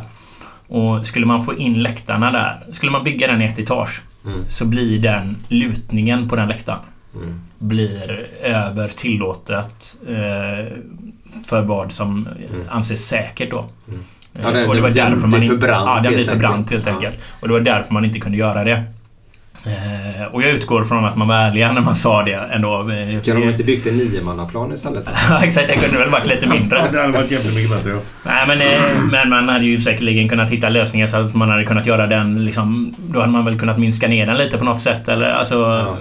Så att det hade kunnat bli ett etage som är lite större än vad det är idag. Men... Eh, ja, Man får drömma vidare. man får drömma vidare. Det, man får väl hoppas på att det kanske kan bli en ny arena någon gång också. I den här stan. Det är väl inte helt omöjligt. Det ryktas ju att det redan finns ritningar på sådana saker så att det vore ju fantastiskt. Vad är det för rykte? Ja, det finns ju rykten som säger att det finns eh, några kapitalstarka företag som eh, hade velat bygga en ny arena om eh, mark hade funnits och allting hade gått att lösa runt omkring med det. Så att, eh, det, och att ja, får, de, får de igenom sina saker så, så finns en plan för att man skulle kunna göra det. Är det där vi Vallala ligger nu då eller? Nej, det tror jag inte det. Eller jag tror inte man har eh, satt någon mark. eh, För att man anser nog att det största problemet är Göteborgs kommun. Eh, Att man aldrig skulle få mark till den, helt enkelt. Eh, Där det är så pass värt att bygga det. Alltså att man har den så pass långsiktigt så att det kan vara värt att, att göra det. Det är nog där dilemmat ligger mer. Så är det. Men du, när man ändå är inne på eh, supportergrejer. Har du varit ute och tittat på många bortamatcher utanför Sverige eller så eller? Eh, Det har blivit några stycken här och där, ja. Vad är den, vad är den bästa stämningen du har varit med om eller som på bortaplan ute i Europa? Oj, eh, den är svår. Eh, vad kan det vara? Det behöver inte vara att det är Blåvitt utan om du vill ha kanske varit på någon match själv en gång. Ja, jo men eh, absolut har man varit... Eh, Han sa ju det förut. Han är ju totalt ointresserad av allt som Nej, inte är totalt han Blåvitt. Han- Nej. Och Han United höll då. ju lite grann United. Eh, men, men, Ja, då är man i och för sig ganska ointresserad. Om man håller på United. det, det, det får stå för dig kanske. nej, men, nej, men faktum, alltså jag har varit på en del El Clasico och sånt där. och Det, jag tycker det är skittråkigt att sitta på Nou Camp eh, på Ja, det är inte heller bra stämning Nej, alltså det är Nej. svintråkigt. Ja. Eh, Jag har suttit och frusit och eh, undrat vad man har gjort där liksom. Och sen... eh, Satt du på tredje ring? Eh, Jag har suttit, ja bland annat jag har varit på... Då får du skylla dig själv. Ja, exakt. Nej, men jag, jag har suttit på, eh, nere i Madrid också. Där har de egentligen en fantastisk arena. Där eh, ser man ju bra överallt och så vidare. Men, men alltså, ko- kollar man på Madrid till exempel. Eh, nu är det några år sedan jag var på ett El Clasico där. Men det var ju så löjligt att se för att då har man den här fulla arenan och det står 200 supportrar ungefär. Ja. Alltså det är Nej, vad de nej. har som klack. Eh, mm, Alltså det, det är ju skittråkigt att se. Tragiskt det. Ja men lite så är det faktiskt. Ja. Då, då är det ju roligare med de lite obskyrare klubbarna runt om eh, som faktiskt har lite supportrar och så vidare. Men ja, vad fasiken har varit bäst? Jag vet inte. Du kan tänka på det för Ja. Glenn, du har ju en dröm. Din Mm. dröm är ju att leda ett cykelpass på Im- Impro. Jag kan väl inte säga att det är min dröm, men eh, det kommer att bli verklighet någon gång i tiden här. För det är en nära framtid. Det är ju så Glenn och jag började träna med en eh, PT, Mm. Sandra.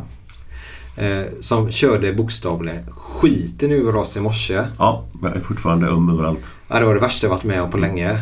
Eh, så tack för den Sandra. Men... Men det känns jävligt gött efteråt ändå. ja, Även om det är lite ömt. Ja, men det är det- som, då känner man att man har gjort något. Mm. Du har kämpat på bra Glenn faktiskt. Men det är ju så här nu. Vi spinnar ju också. Gör vi det. Eh, och så sa jag till Johan där nere att eh, den tränaren som hade förra passet han var jävligt bra och tog i lite grann. Han var bättre än dig sa jag. Så det fick vi ju smaka på i onsdags. Mm. Shit vad han körde också. Glenn skakar på huvudet. Nej, var, bara, han bara ökar och ökar och ökar. Ingen paus eller vila eller 45 sådär. minuter Bara öka, öka, öka, öka, öka. Det var eh, Det, det går groteskt. an om man får en halv minut vila någon gång emellan. Men fan, det här gick i ett. Nej. Så det var... Nej, fy fan. Det var ingen, var ingenting man längtar efter. Men det var effektivt. Ja, men det jag vill komma fram till här nu. Om du nu kan den 25 förhoppningsvis så ska de ha en insamling till eh, Barncancerfonden. Där vi ska leda ett cykelpass då. Ett spinningpass. Eh, troligtvis mellan 13 och 14 den lördagen. Om du nu kan Glenn. Jag hoppas du Mm. Ja, kan jag är det. inte hundra, men jag har inte kollat det riktigt. Du hann inte kolla almanackan innan jag åkte hit. Nope. Eh, Så det ska du göra. Men i- vi kan ju bara säga så här att eh, vill man ha en förändring i livet. För jag tror folk är rädda för förändring. Även på läktarkulturer och sånt. På allting. Allting. Förändring är läskigt. Sen när man väl har gjort förändringen så ja, men det var inte så farligt. Då blir det oftast bättre. Men, eh, Ja. men det är ju livsfarligt att göra den innan. Ja, ja, allting var ju bättre förr innan man gjort den förändringen. Då. Ja.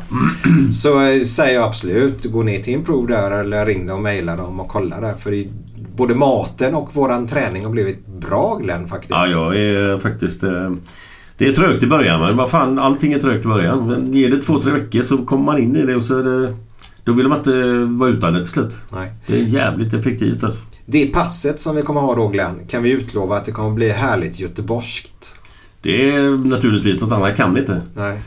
Så det är väldigt enkelt faktiskt. Sen hur det är just under cykelloppet där om man får syrgas och sånt. Men man ska ju prata också. Du ska prata väldigt Ja, mycket. ja och, och gör man det under, när man cyklar så är man ju jävligt andfådd. Ja, men att- Glenn, Glenn. men det kan bli... Det kan bli det kan bli bra på så tillvida att då vet de att han som sitter där också är trött. Ja, det är sant. Ja, så när han satt där, Johan häromdagen. Han satt och skrattade och körde fan och vi satt och flåsade längst bak så två jävla kossor. Men vi såg inte hans inställning på cykeln. Jag tror, han, Nej, jag tror han körde på den lättaste. Jag tror det. Tveksamt. Tveksamt. Ja, nej, jag Fram tror till den det. 25 har du några dagar på dig att köra. Så Ja, vad fan. Då ska du väl vara 25 konditionsmässig. mars till och Ja, med. 25 mars. Det är ju Så du är Ja, fulltränad Ja, för fan. Det är ju Fåglum.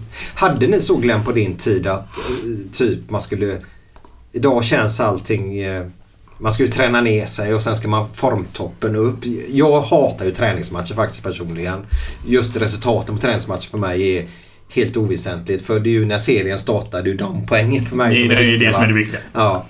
Så att Blåvitt vinner eh, borta mot AIK här borta och det var väl så. Det är Men- alltid viktigt att vinna mot AIK, men, men det är rätt oviktigt ändå. Ja, Absolut. för jag menar det är matchen sen till våren som gäller sen. Då. Absolut. Men du, det- hade, hade, bara, min fråga var, hade ni sådär att ni tränar på ett speciellt sätt för att få en formtopp till seriens start?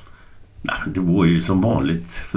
Vårsäsongen, eller vintersäsongen från januari till eh, mars. Det är ju alltid, eller har alltid varit, var, som när vi spelar. Det var ju mycket kondition, mycket styrka.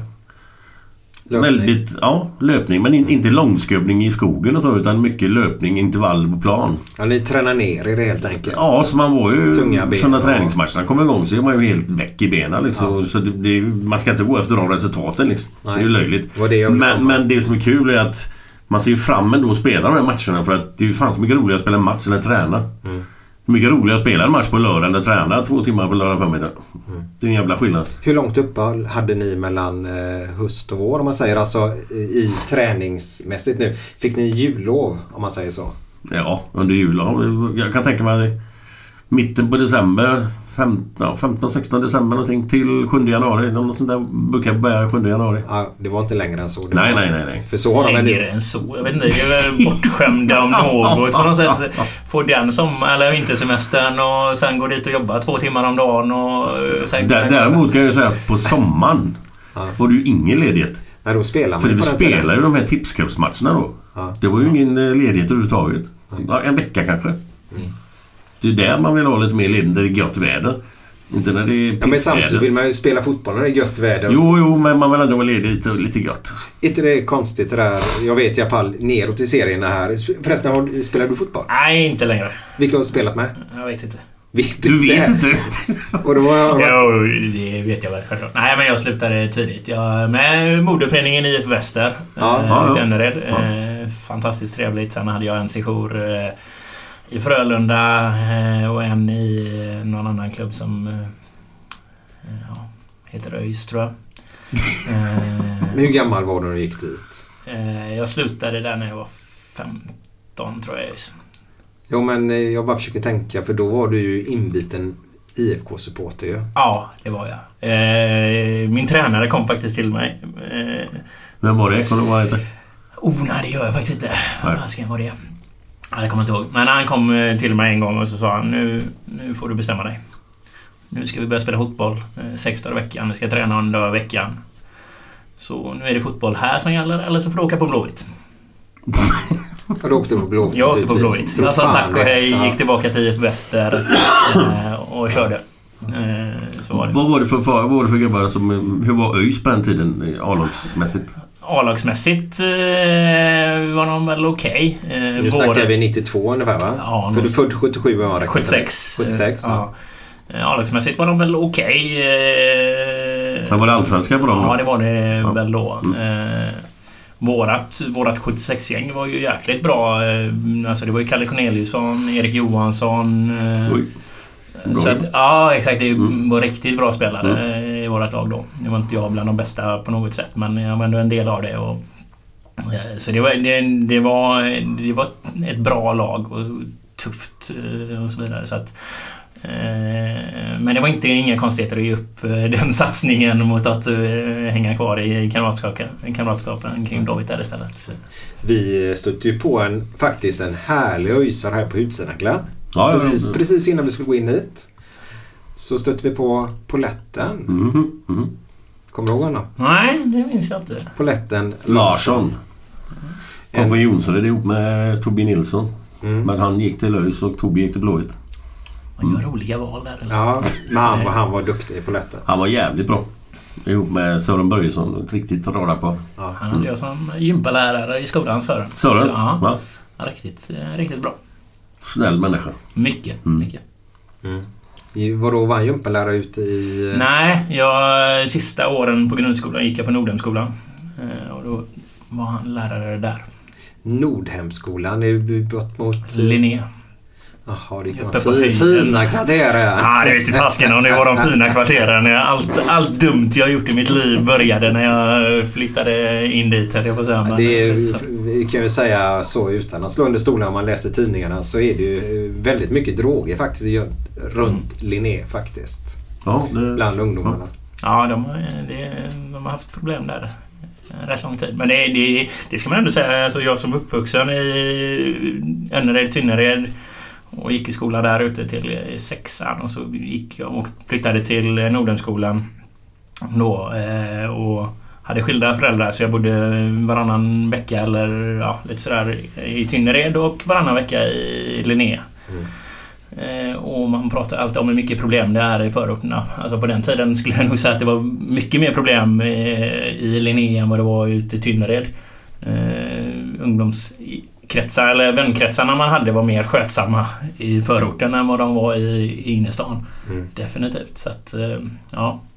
Det, det, Jag är också uppvuxen i Tynnered så uh, gillade det skarpt. ja, det var vackert. Du, jag tänkte på en sak med supporterkulturen där med Blåvitt. Eftersom vi ändå snackar om det här. Ha- Hade ni någon typ... Eh, träffade ni spelartruppen en gång om året sådär på någon tillställning, någon fest eller någonting? Eller hade ni någon kontakt med... Nej, ni var jättedåliga. På den tiden. Nej men, nej, men förr så fanns det inte... eh, Då var det ett avstånd mellan... eh, Förr nu, du får förr. förklara ord. Ord eller år. Eh, År. år. Eh, innan ja, men, millenniumskiftet då, alltså pratade vi tidigare där, så då fanns det ändå... Eh, då var det ett, ett avstånd mellan klubb och supportrar. Eh, När Blåvitt hade pengar på den tiden. Ja, eh, hade de det höll jag på att säga. Jo, men på 90-talet hade de ju det. Eh, och då hade vi svårt att, även vi som satt i styrelsen för Änglarna och så vidare, vi kom ju inte till tals. Vi bjöds in på vissa saker eh, och möten och så vidare. Men det var ju med armbågen lite grann och man lyssnade inte riktigt. Där har det också förändrats en hel del. eh, Och det, det är klart att det finns fortfarande en distans mellan spelare och eh, supportrar. Men eh, det är ändå lite närmare eh, numera än vad det var förr i tiden. Men vänta, Glenn om kan berätta hur det var på din tid då. Ytterligare lite mer förr. Ja. tillbaka. Nej, men vi hade alltså en eller två sittningar med supportklubben. Den som då låg den på Stampgatan. Exakt. Så vi var ju där nere och festade till det två gånger om året med supportrar. då. Så då var det en stor träff där. Mm. Och så delades den här, vad heter den? Änge- Ärkeängen. Ärkeängen. Ja, exakt. Den Och, och så, man, man, känner, man, man känner ju igen de här gubbarna. Man känner ju igen de här gubbarna. Liksom, de, naturligtvis inte alla men, Men men, många av dem. som gick på matcherna. Så man hade ju en jävla bra kontakt med dem. Så. Ja, vi började alltså, och sen så, sen så blev det, växte det lite grann tror jag. Sen så fick vi tillbaka det. eh, Men då var det ju liksom ja, men, en julfest eller någonting där man hade det så. Och nu är det väl, jag vet inte, nu är det väl tillbaka. Ärkeängen delas ju ut fortfarande på supporterklubbens årsmöte varje år. Men då är det ju den spelaren som kommer ner i princip och så. Eh, Så det, ja, jag vet inte. Eh, Nu växer nog den där kanske igen då eh, på något sätt att man man särskiljer sig. Men det kanske ligger lite i fotbollens natur också att ingen... De flesta är mer flyktiga av spelarna så att Mm. man... Det blir inte samma... Men äh, tycker du inte, alltså, om jag var supporter så skulle jag tycka det var kul om man träffar spelarna på någon gång om året sådär liksom. Absolut. Så Man kommer ju närmare dem då liksom och inte bara står och hejar på dem utan man kanske får prata med dem lite mer på någon fest eller vad fan som helst. Det behöver vara fest men de tillställningar. Men om det- jo, men absolut. det, är fan, det, är, det, är mycket, det är mycket lättare med på bira med i bilden också för då blir alla, upp, Alla alla, blir blir, lite lugna och sansade och glada. Ja, Och, jo men så är det ju definitivt. Det är ju, det är ju mycket roligare och... mm, Så det vill man ju ha med på något sätt. Att, Ja. att man har den gemenskapen. Eh, ibland är väl... Eller eh, under vissa år så upplevde jag att klubben var lite rädda för att göra det så. Eh, för att de... Rädda för? Ja men de var ju eh, rädda för mediabilden av en supporter på något sätt. Alltså de köpte ju också den där att eh, alla var hemska och eh, sådär. Jag vet ju själv... Ja, det var något år där vi hade sista matchen hemma och um, det var guldstrid. Eh, och jag styrde upp så att vi hyrde hela trädgården. Eh, och så sa jag liksom, liksom men det är bra om laget kommer dit liksom. Jag har ordnat så att ni får en privat sittning med middag och allt sånt där. Men de var liksom, nej, tänk om vi förlorar. Då vill ju inte, då vill inte, eh, ja, då ska de inte umgås med supportrar. Men det var bara liksom, man förlorar. Ja, men om de missar SM-guldet och förlorar sista matchen och missar guldet. Men det var liksom, men ja, fast det är ju inte så att vi kommer hata dem för det. Alltså Nej, nej, så. nej, Eh, Efter många om och men så gick de ju med på det eh, och vi förlorade guldet. Eh, Men det var jäkligt trevligt ändå. Var det den AIK-matchen? Eh, nej... Det var tidigare. Ja, det var nog tidigare. Eh, och Och, men det blev jäkligt bra ändå. Eh, alla hade trevligt Mm. och eh, sådär. Så att det har nog varit en liten rädsla ibland eh, beroende på vem som styr i klubben kanske. Gemenskap skapar ju mindre hat. Så är det ju definitivt. Alltså, Känner du spelaren där lite grann, du hälsar på honom, snackar på ord eller någonting så, så får man ju oftast tycke på den människan ändå. Ja. Och då blir det ju mindre hat skriket även när han gör en dålig grej på plan. Absolut. Ja. Så är det ju. Så det, det är ju rätt korkat att man inte försöker bygga det ännu starkare för det hade ju Alltså de relationerna hade ju smittat av sig också för då hade ju de pratat om hur fantastiskt det är och så hade nästa person som inte går på fotboll tyckt att fasken det här kanske jag också vill vara med på och så hade man kunnat bredda intresset. Eh, Så det är ju rätt korkat att, att inte utnyttja hur lättköpta vi supportrar är. på något sätt. Ja, men, eh, Nyttja det, Ja, men nyttja det. Alltså, det Ja. finns så många eh, delar och jag har varit förbannad på den föreningen jag älskar så många gånger för att man inte utnyttjar supportrar mer. Och man, man utnyttjar inte, och jag utnyttjar inte någon utöver de som finns i klubben på något sätt. Jag har hört det från gamla spelare också som säger att vad fasiken utnyttja oss till att eh, bidra till eh, ja, eh, att, att det skrivs om klubben eller så här. Eh, Och man kan lika väl utnyttja supportrar till att eh, sprida budskapet men man gör inte det riktigt bra. Eh, Jag menar, finns det Finns det ett par tusen hängivna supportrar så hade man kunnat få dem att göra saker som väcker uppseende på stan andra dagar som ändå väcker intresse och sådär men tyvärr så nyttjar man inte riktigt eh, så. Jag vet inte vad man är rädda för men Vad, vad, vad tycker du om det där näthatet som finns? Som vi säger, fick- har ju fått smaka på det här nu när han drog då. ja.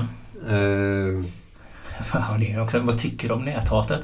Det finns väl ingen som gillar det höll jag på att säga. Det vore ju korkat att... Ja, nej, ja, ja, men, men, men, alltså- ja, nej, men det, de dreven är ju helt oförståeliga på något sätt. Eh, Många av dem. Man, eh, och mot Alvbåge så förstår jag det inte alls egentligen. Eh, Han, 2015 är han Allsvenskans bästa målvakt. Ja, och helt jäkla fantastisk. 2016 eh, är det inget bra år för honom. Mindre men, bra. Mindre bra år för honom. Men jag vet inte eh, vem gjorde ett bra år i IFK Göteborg 2005 eller 16. Ja, men han är ju inte ensam. Han är ju inte ensam Det finns en någonstans. försvarslinje, bland annat fyra stycken framför, som inte var bra heller. Exakt. Som inte var lika bra som 2015. Nej, och då, då blir ju hans jobb extremt mycket svårare. Så att det, det blir ju... Folk ser inte helheten eh, ibland så man undrar... Eh, man blir lite mörkrädd för vissa. ja. Eh, Och det skapar ju också, jag tror Torbjörn Nilsson var inne på podden, att när en spelare utifrån säger vi då ser att vilket hat det kan finnas om du spelar i Blåvitt och inte lyckats kanske istället för att få med sig dem då. Ska jag välja den klubben eller ska jag välja den klubben? Nej men de har ju lite skönare supportrar. Eh, så, så det straffar ju Blåvitt i längden det. gör det ju också. Det gör det också. Eh, Men... Och det handlar alltså... Ja, de har lite skönare supportrar. Då får man ju gå till Kalmar. För att de har bara en som gnäller. Ja men, ja, men lite så är det. Alltså, de är så små. De har en som gnäller och han hörs ju liksom inte medan vi är så pass mycket större. Så vi har lite fler som gnäller. Eh, på något sätt. Eh, Det är ju, blir ju den här stora, alla, alla storklubbars faktor också att det finns fler som inte beter sig eller fler som gnäller tack vare att eh, man blir så stora. Sen så finns det tusen gånger fler som eh, är positiva i det också. Mm. Så att det, är- ja, det, det är väl en storklubbs problem på något sätt. Men har, har du bra kontakt med typ andra eh, supportrar? Om ni åker och möter AIK eller Djurgården eller Halmstad eller vilka som helst. Känner du gubbar överallt sådär? Och så att, Ja, inte i alla klubbar gör jag inte det, men i många klubbar så känner jag ju folk, absolut. Eh, och... mm, Inga problem med det liksom. Det, det är inga konstigheter. Nej. Man, man är ju där för samma sak. ja. Eh, Och jag var ju också med och startade upp eh, den här SFSU som jag sa förut, Svenska Fotbollssupporterunionen. Eh, Jag var ordförande första året när den bildades. Vilket gjorde att man fick många kontakter runt om. Och det är, alltså det är, det är ju samma typ av människor, bara det att de gillar några andra färger. Och, Mm. Eh, Det är ju fantastiskt kul att lära känna dem, för då kan man ju håna dem 365 dagar om året på andra saker. Så att eh, det är ju bara roligt. Ja. Alla är vi, alltså om du är en support som du är då eh, så finns ju de i alla klubbar. Ja men så är det ju. Ja, alltså- Sen är de födda i en annan stad oftast bara. Ja, ja, men lite så. Och det, och det går ju att snacka med alla oavsett vad det är för typ av supportrar eller så vidare. När jag bodde i Stockholm i fyra år som sagt så var man ju, då var man ju rätt utsatt. Eh, som ett, eh, ett ansikte även där liksom. Men Mm. även deras... Alltså, när det blev problem där uppe någon gång. Det gick att snacka med dem och förklara liksom att Nej, vi ska inte göra, eller vi ska inte skapa några problem här. Vi, vi som sitter här som är blåvitare sitter här för att vi vill kolla våra matcher och så vidare. Så man fick en respekt där uppe också. Och, eh, det finns en jäkla respekt för andra supportrar och andra klubbar. Men sen eh, under 90 minuter match, då ska vi ju inte eh, vara snälla mot varandra på något sätt. Nej, nej. Utan så. Utan eh, då ska vi ju verkligen trycka ner varandra. Det ska vara hetsen Ja. helt enkelt. Absolut, men, men sen känner jag ju mycket folk i de flesta klubbar så att absolut, jag har gått och ställt mig bakom bortaläktaren någon gång och pratat med någon och sagt grattis efter en förlust också. Va? Det, det får man ju ta liksom. Det är så det ska funka. Ja, det... är svårt att sen, sen vill inte jag sitta med någon supporter eh, för något annat lag inför matchen. Det skulle jag aldrig göra. Nej, nej. Eh, Alltså matchdag fram till match. Då är det liksom... Då är det fullt fokus. Sen efter matchen så är jag glad eller förbannad eh, en viss tid beroende på allting. Men, men då kan jag ändå sätta mig med, med någon annan och liksom... Då är det inga problem med det. Och det, så tycker jag det ska funka liksom. Men... Ha, uppladdningen vill jag alltid ha för mig själv. Vil- eller- Vilken, vilken är den svettigaste förlusten du var med om? Det är ju självklart AIK 2009. Ja. Eh, Det finns ju ingen annan. Samt, samtidigt som det är den absolut största matchen någonsin varit på. Eh, Alla kategorier, eh, whatever. Den matchen tar alla pris. För det är hela, hela inramningen, hela atmosfären och hur det var uppbyggt kring den här matchen. Det går inte att beskriva. Det kommer aldrig hända i Sverige igen. Eh, Samtidigt som det var den tyngsta förlusten någonsin. Men eh, det, ja, det, var, det var en sån fantastisk upplevelse att bara vara där och känna den elektriciteten som fanns då. Och så här ribba i vägen. Ja, det var jäkligt nära. Eh, definitivt. Men så här i efterhand så kan man när vi ändå varit inne på andra saker eller så här oroligheter så, så har jag ändå en tacksamhet på något sätt att vi förlorade den matchen. Jag vet inte om man får säga så, men det, det är faktiskt lite sjukt för att hade vi vunnit den matchen då hade det nog blivit eh, kaos tror jag. Ja, det är Det, så. så, så där är det, det är klart man hade velat vinna matchen men sen när man tittar på den i efterhand så för svensk fotbolls skull var det nog faktiskt bra att vi inte vann den för det, där hade det nog kunnat sluta illa. Var det såna vibbar innan? Eller Ja men det var alltså med så mycket aik som var på plats där och med den eh, dåliga säkerhetsorganisation som fanns då. Eh, så fanns det ju definitivt de vibbarna. Det- Alltså det blev ju lite, lite tumult ändå den matchen. Men hade vi vunnit den så hade det nog blivit ännu värre. Eh, men eh, det är klart jag hade velat vinna den ändå. Det hade varit fantastiskt. Ja, att det- första året, det var ju ett sånt år där vi bara vann och vann också. Så förlorade man en match hemma på slutet och tappade guldet på det. Det var ju hemskt. Men, men samtidigt så kan jag ju se också att det kanske var bra av de anledningarna. Ja, men den släpper vi. Den släpper. Men du har upplevt några SM-guld i alla fall? Jag har upplevt några SM-guld. Jag har fått några och det är jag tacksam över att jag fick eh, hela 90-talet med Blåvitt. Ja. Eh, definitivt. Eh, det, var, det var underbara tider. Ja, och då var Gamla Ullevi just Gamla Ullevi också. Ja. Det var ju en fantastisk arena med närheten. Ja. Det var ju helt otroligt. Ja, den var riktigt bra tycker jag personligen. Mm. Hade du någon favoritspelare? Eh, ja, eh, det har väl funnits många genom åren höll jag på att säga. Nej, just under den tiden tänkte jag. Liksom, Under 90-talet. när du var som mest inne i det. Vad ska man säga? Eh, jag gillade ju Erlingmark jävligt mycket. Ja, ja. Bara för att han var så jäkla allround. Alltså, Ja, Ja, eh, han kunde spela på han alla kunde spela på positioner. alla, alla positioner och eh, gjorde det bra men... Så ja, jag vet inte. Ja, var Ren, var, Ren var ju också bara för att han var eh, så annorlunda eh, gentemot vad man har haft eller hade eh, med den tekniken. Det var Mm. också fantastiskt. Det är ju Erlingmarks pojke är ju med uppe nu och nosar på... Ja, August är uppe och får göra lite inhopp. Det är Ja. riktigt, riktigt kul att höra Han är väl- hans namn igen, på säga, men Erlingmark igen. Ja, och innermittfältare också. Mm. Jag har ju inte sett honom spela så mycket men är han lik sin pappa på något sätt? Jag har inte heller sett honom spela så jättemycket. Eh, Så det vill jag, eller vet jag faktiskt inte. Eh, Jag har eh, bara sett de få inhopp han har gjort eh, nu här då i träningsmatcherna.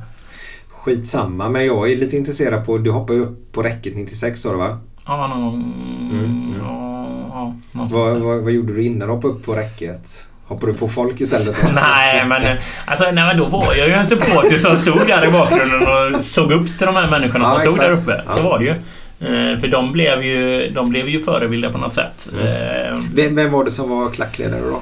Eh, före mig var det en som kallades för Ängelen, Marcus. Eh, och vi hade Buster, en härlig finne som eh, stod där ett tag. Och vi hade en som kallades för Råttan. Eh, Råttan, ja. Hasse. Som gjorde alla ett år var ungefär, ett och ett halvt, kanske två. Men de blev ju förebilder på alla sätt. Som man stod och såg upp till. Och sen vet jag inte hur jag vågade ta den platsen som som ung. Det bara blev så. Det bara blev så. Det kanske var en öl som gjorde det eller något sånt där. Det är ju det här med ölen. det är ja. Den gjorde det. Förbjuden dryck. Ja, att jag fick förtroende att göra det fler gånger efter den gången eh, var nog ett mirakel. För jag tror inte jag var så bra första gången. Men man får ju ta sig plats ibland. Ja, faktiskt. men så var det. Jag, jag, Du gillar jag, det? Jag gjorde det. Jag Ja. gillade den. eh, Att, Gillar att du uppmärksamheten eller? Ja, men det är klart man gjorde det. Ja. Annars hade man ju inte stått där. Eh, uppmärksamheten eh, och att, att kunna styra. Ja. Helt enkelt. Glenn, vad hette eh, ledaren när du stod i klacken faktiskt? Blå, Glenn, Nej, jag stod i klacken. Ja, du sa ju det. Ja, men sa jag det? Vad han hette? Nej. Jo, på vägen hit. Vad han hette som stod i klacken när jag var i Kalmar? Nej. När vi spelade menar du? Nej, när du stod ju faktiskt i klacken i Blåvitt innan du började spela i Blåvitt. Ja, ja, ja, ja, ja, ja. Men den, ja, ja, ja, du menar... Ja, ja, nu är jag med dig. Nu är jag med dig. Det är en äldre herre. Ja, ja, men, Morgan. Morgan Ja, fy fan vilken lirare. ja. Känner du till Morgan? Ja, men det har gjorts låtar om Morgan. Eh, Så han är ett namn som lever kvar. Jag har ju aldrig, aldrig sett honom själv på räcket så, men eh, hans namn lever ju kvar. Det var det nog mer en bilägare tror jag innanför pälsen. Det var så ja. Det var nog ett par, par andra grejer också. Nu är vi på 70-talet då. Mm. Det är lite kul att det där hänger kvar. Att det är någon som är den dirigenten och får igång klacken och sjunger. För det var ju ett jäkla dipp på eh, då när du började gå faktiskt. På, på matchen. Om vi tar Absolut. typ 89-90 där. Det var inte så jättemånga på Nya Ullevi då. Eller Ullevi då. Nej, det var är- inte de hetaste matcherna. Det var ju 2-3 typ- tusen pers som Ja. står där och huttrar Nej, liksom. nej. Det kan inte varit så kul att spela dem heller tror jag. Jag såg någon match när Kenneth Andersson gör en kanonfrispark. Så ser man läktaren sen så heter det ödsligt. Nej, Så- det var ju en dipp eh, på den tiden. eh, Så där får man väl vara tacksam för att svensk fotboll har tagit sig så som man har gjort. Ja. Vad tror du det blir nu då mot Malmö? Det- I premiären? Man säljer sluten på vad de nu kommer ta, 33 000 eller någonting. Det- Ja, de tar inte mer alltså? Nej. Nej, nej. Utan det är, jag tror det är 33 som är max där. Ja, då det, börjar det säljer bli fullt, slut. tycker man ju. Ja. Men vadå, stänger de av vissa... Ja, jag tror de... Eh, Ja, dels så tar inte Ullevi så jäkla många mer eh, numera. De har ju grävt upp hål, höll jag på att säga, men de har gjort stora öppningar för att konsertbesökare ska kunna gå in och så vidare. Jaha. Eh, men sen så kommer man väl ställa ut storbildsskärmar och så också tror jag. Så att kortsidorna faller väl bort på något sätt där. Eh, Okej. så att det... Jag läste någonstans att siffran var 33 eller någonting. Jag tror som max. Ja, fyller vi inte det så är det kast. Nej, då är det röva. Ja. Så eh, lyfter jag romper och går till Yes, eh, box. Ullevi. Första april. Första april. Ja. Första matchen i Allsvenskan i år. Helt ensam, inga andra allsvenska matcher. Så det är... Du har ingen några undanflykter Nej, där. Man bor i den här stan i alla fall. Har du koll på tifo? Kommer det bli ett bra tifo? Jag har ingen koll alls faktiskt. Det är ju det fantastiska med TIFO är att det alltid är hemligt. Det är Innan. så? Ja. Eh, I stort sett alltid så vill man hålla det så hemligt som möjligt tills, eh, tills det väl eh, kommer upp för att det ska vara en överraskning för alla. Ja, men inte ens att det är någonting som är på gång. Alltså, är det hemligt också? Eh, nej, det vet jag inte. Vill, vill man inte sprida att nu blir det ett... Ibland vill man det, ibland vill man det inte. Okej, Eh, ja. Det beror lite på. Eh, Nu har jag faktiskt ingen koll, men jag räknar med att det kommer bli någonting i och med att det är en sån stor match som det är ändå. Det är ju då de brukar lägga ner mest kraft och tid på det. Och det jävliga är att jag missar den för en annan stor match. Skojar du? Är du Liverpool? Ja, mot Everton. Jo, men det går inte att match. jämföra. Oj! Nu slår han sönder istället. Jag bara riva. Nej, jag skulle ta ett strupgrepp på honom där bara. Så, men jag gjorde inte det. Nej, men det är väl inget... Du sa ju att Alltså- stämningen var så jävla dålig på arenan. Ja, men den, just den matchen, alltså derbyt i Liverpool, det är ju ruggigt. Alltså det finns ju inget snack om den. Men den är ju samma dag tror jag. Om inte den är dagen innan eller dagen efter. Men jag är ju över den, den helgen. Jävligt. Ja, ja. Man, man gör Dålig sina, planering på något sätt. Det Man, är, man gör sina val. ja, nej, men det är lite som att säga att ja, men jag kan inte komma på mina barns födelsedag för grannen fyller år. Du, Alltså, Ja, en bra jämförelse. ja, men det ligger lite i det faktiskt. Du, hur många barn har du? Jag har två barn. Ja. Det ena barnet i alla fall, jag tror bägge två säkert heter Glenn. Men eh, eh, vad heter, kan du berätta vad dina barn heter? Eh, min äldste heter Hjalmar Jison Glenn. Min... Eh, Förlåt? Hjalmar Jison Glenn. Allvarligt? Absolut. Jison, vad är det? Inte Björn Jison Lind? Nej, inte Nej. Björn Linds. Eh, det är... Eh, ja, det är en konstellation av lite olika saker. Okej. Glenn har en efter mig. Eh, I och med att jag heter Glenn. Eh, taget, inte döpt, men taget. Eh, När jag bodde i Stockholm så döpte jag mig till Glenn, för det sa ju alla ändå. Eller döpte mig, men jag tog namnet Glenn. Eh, Jason. Eh, min sambo heter Jessica, så Jessicas son. Samtidigt som det är en hyllning till en viss spelare. Eh, Ja. Som inte finns kvar i Blåvitt längre. Hjalmar Jonsson. Ja, ja, det förstår jag. Eh. Så att eh, vi vävde ihop dem där lite på ett snyggt sätt helt enkelt. Så då blev det Hjalmar Jison Glenn på honom. Och min yngste heter Ian Walter Glenn. Och det är inte Fan. lika lättförståeligt. Vi satt hemma och skruvade och försökte få ihop... Ian måste vara Ian Rush. Nej, absolut inte. Ian Wachtmeister tänkte jag bara. Det, nej, vi försökte skruva ihop initialerna till att bli IFK.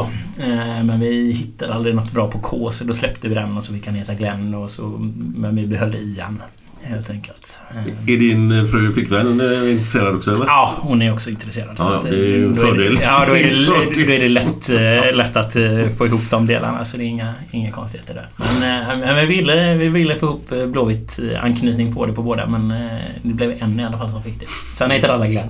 Ja, men jag gillar det. Man ska föra traditioner vidare. Absolut, absolut. Det är jätteviktigt.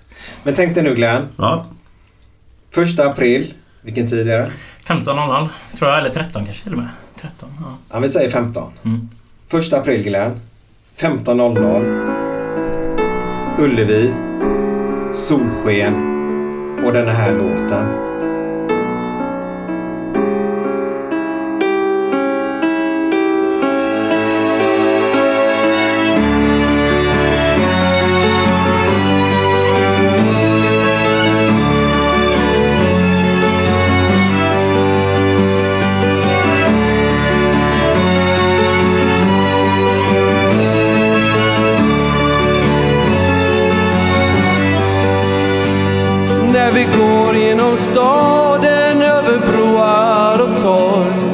Ta salt ifrån haven minns vi glädje och sorg.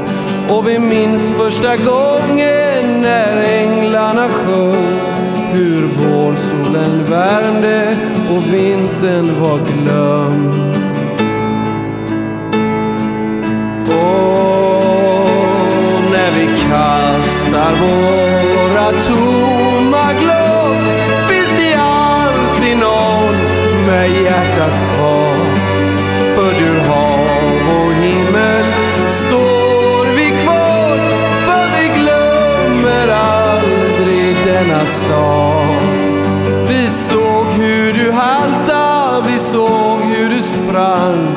Med tårar på kinden och hjärtat i brand. Med längtan i bröstet, du stod där och sa Snart skiner Poseidon och Blåvitt står kvar. Och när vi kastar våra tomma glas finns det alltid någon med hjärtat kvar. För du hav och himmel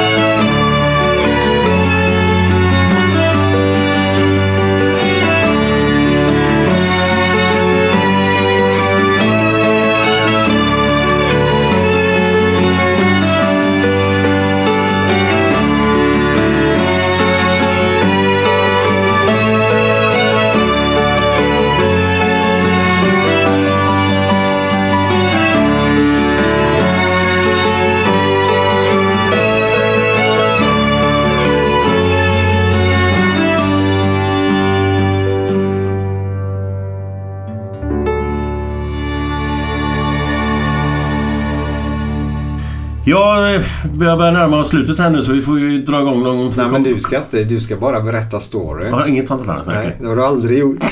Det är avsnitt 33. Lätt att komma ihåg. Nej, vad fan. En gång Okej, vi kör så här. Ja. Nej, det var så här. eh, Det var Karl och Adam. De åkte tåg. Nattåg var det. Och eh, Kalle låg i övervåningen. Ada där nere. Så tyckte han väl att fan vi måste ju hitta på något här. Så då, han kröp till Ada där och de började ju vänslas lite där och körde igång lite. Och så precis när Kalle skulle komma dit och liksom, nu, nu är det slutet, nu är det nära.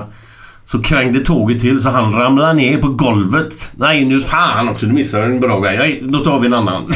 då tar vi en annan. Helvete också. Ja men ta det.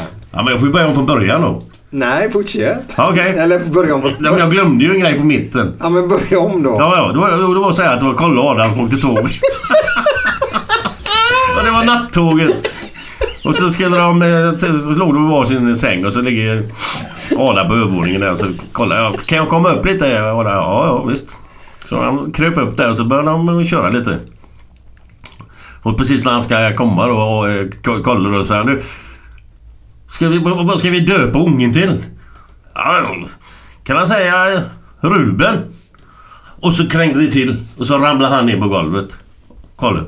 Och så frågade jag, hur gick det Kolle? Ja, med mig är det ingen fara men Rut, eh, Ruben sitter på rutan där. Nej, den var fan med dålig faktiskt. En bättre vill jag Det var ha. bara för att den var så lång. Ja men man visste ju slutet innan du berättade nästan ju. Ja, då kan vi ta den här. Ja, vi tar den här tycker jag också. Det var en engelsman som eh, hade ramlat över bord. Och så började han om hjälp. Fan, säger en gubbe. Han pratar ju engelska flytande. Ja, nej, det är ju, det är ju ingen hög nivå. Det är, det är ju som halva Glens karriär, karriär höll jag på att säga, men... Ja, Mest på Gais-sidan. ja mest på Gais-sidan när, när det går ner sig helt och hållet. Men det är... Vi syns alla den första april! Kom dit!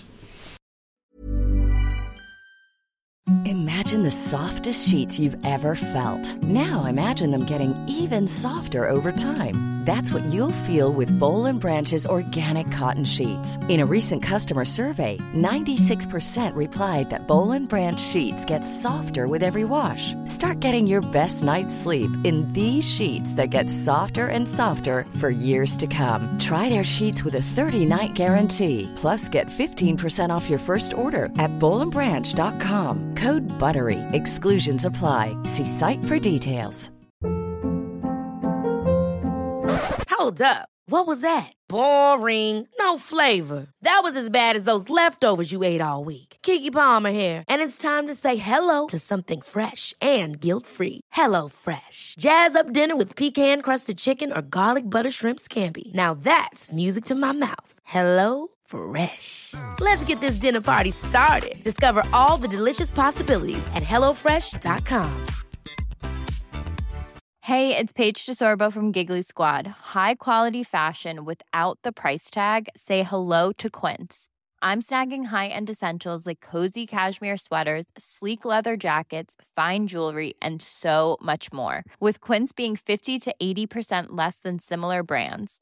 And they partner with factories that prioritize safe, ethical, and responsible manufacturing. I love that. Luxury quality within reach. Go to quince.com slash style to get free shipping and 365 day returns on your next order.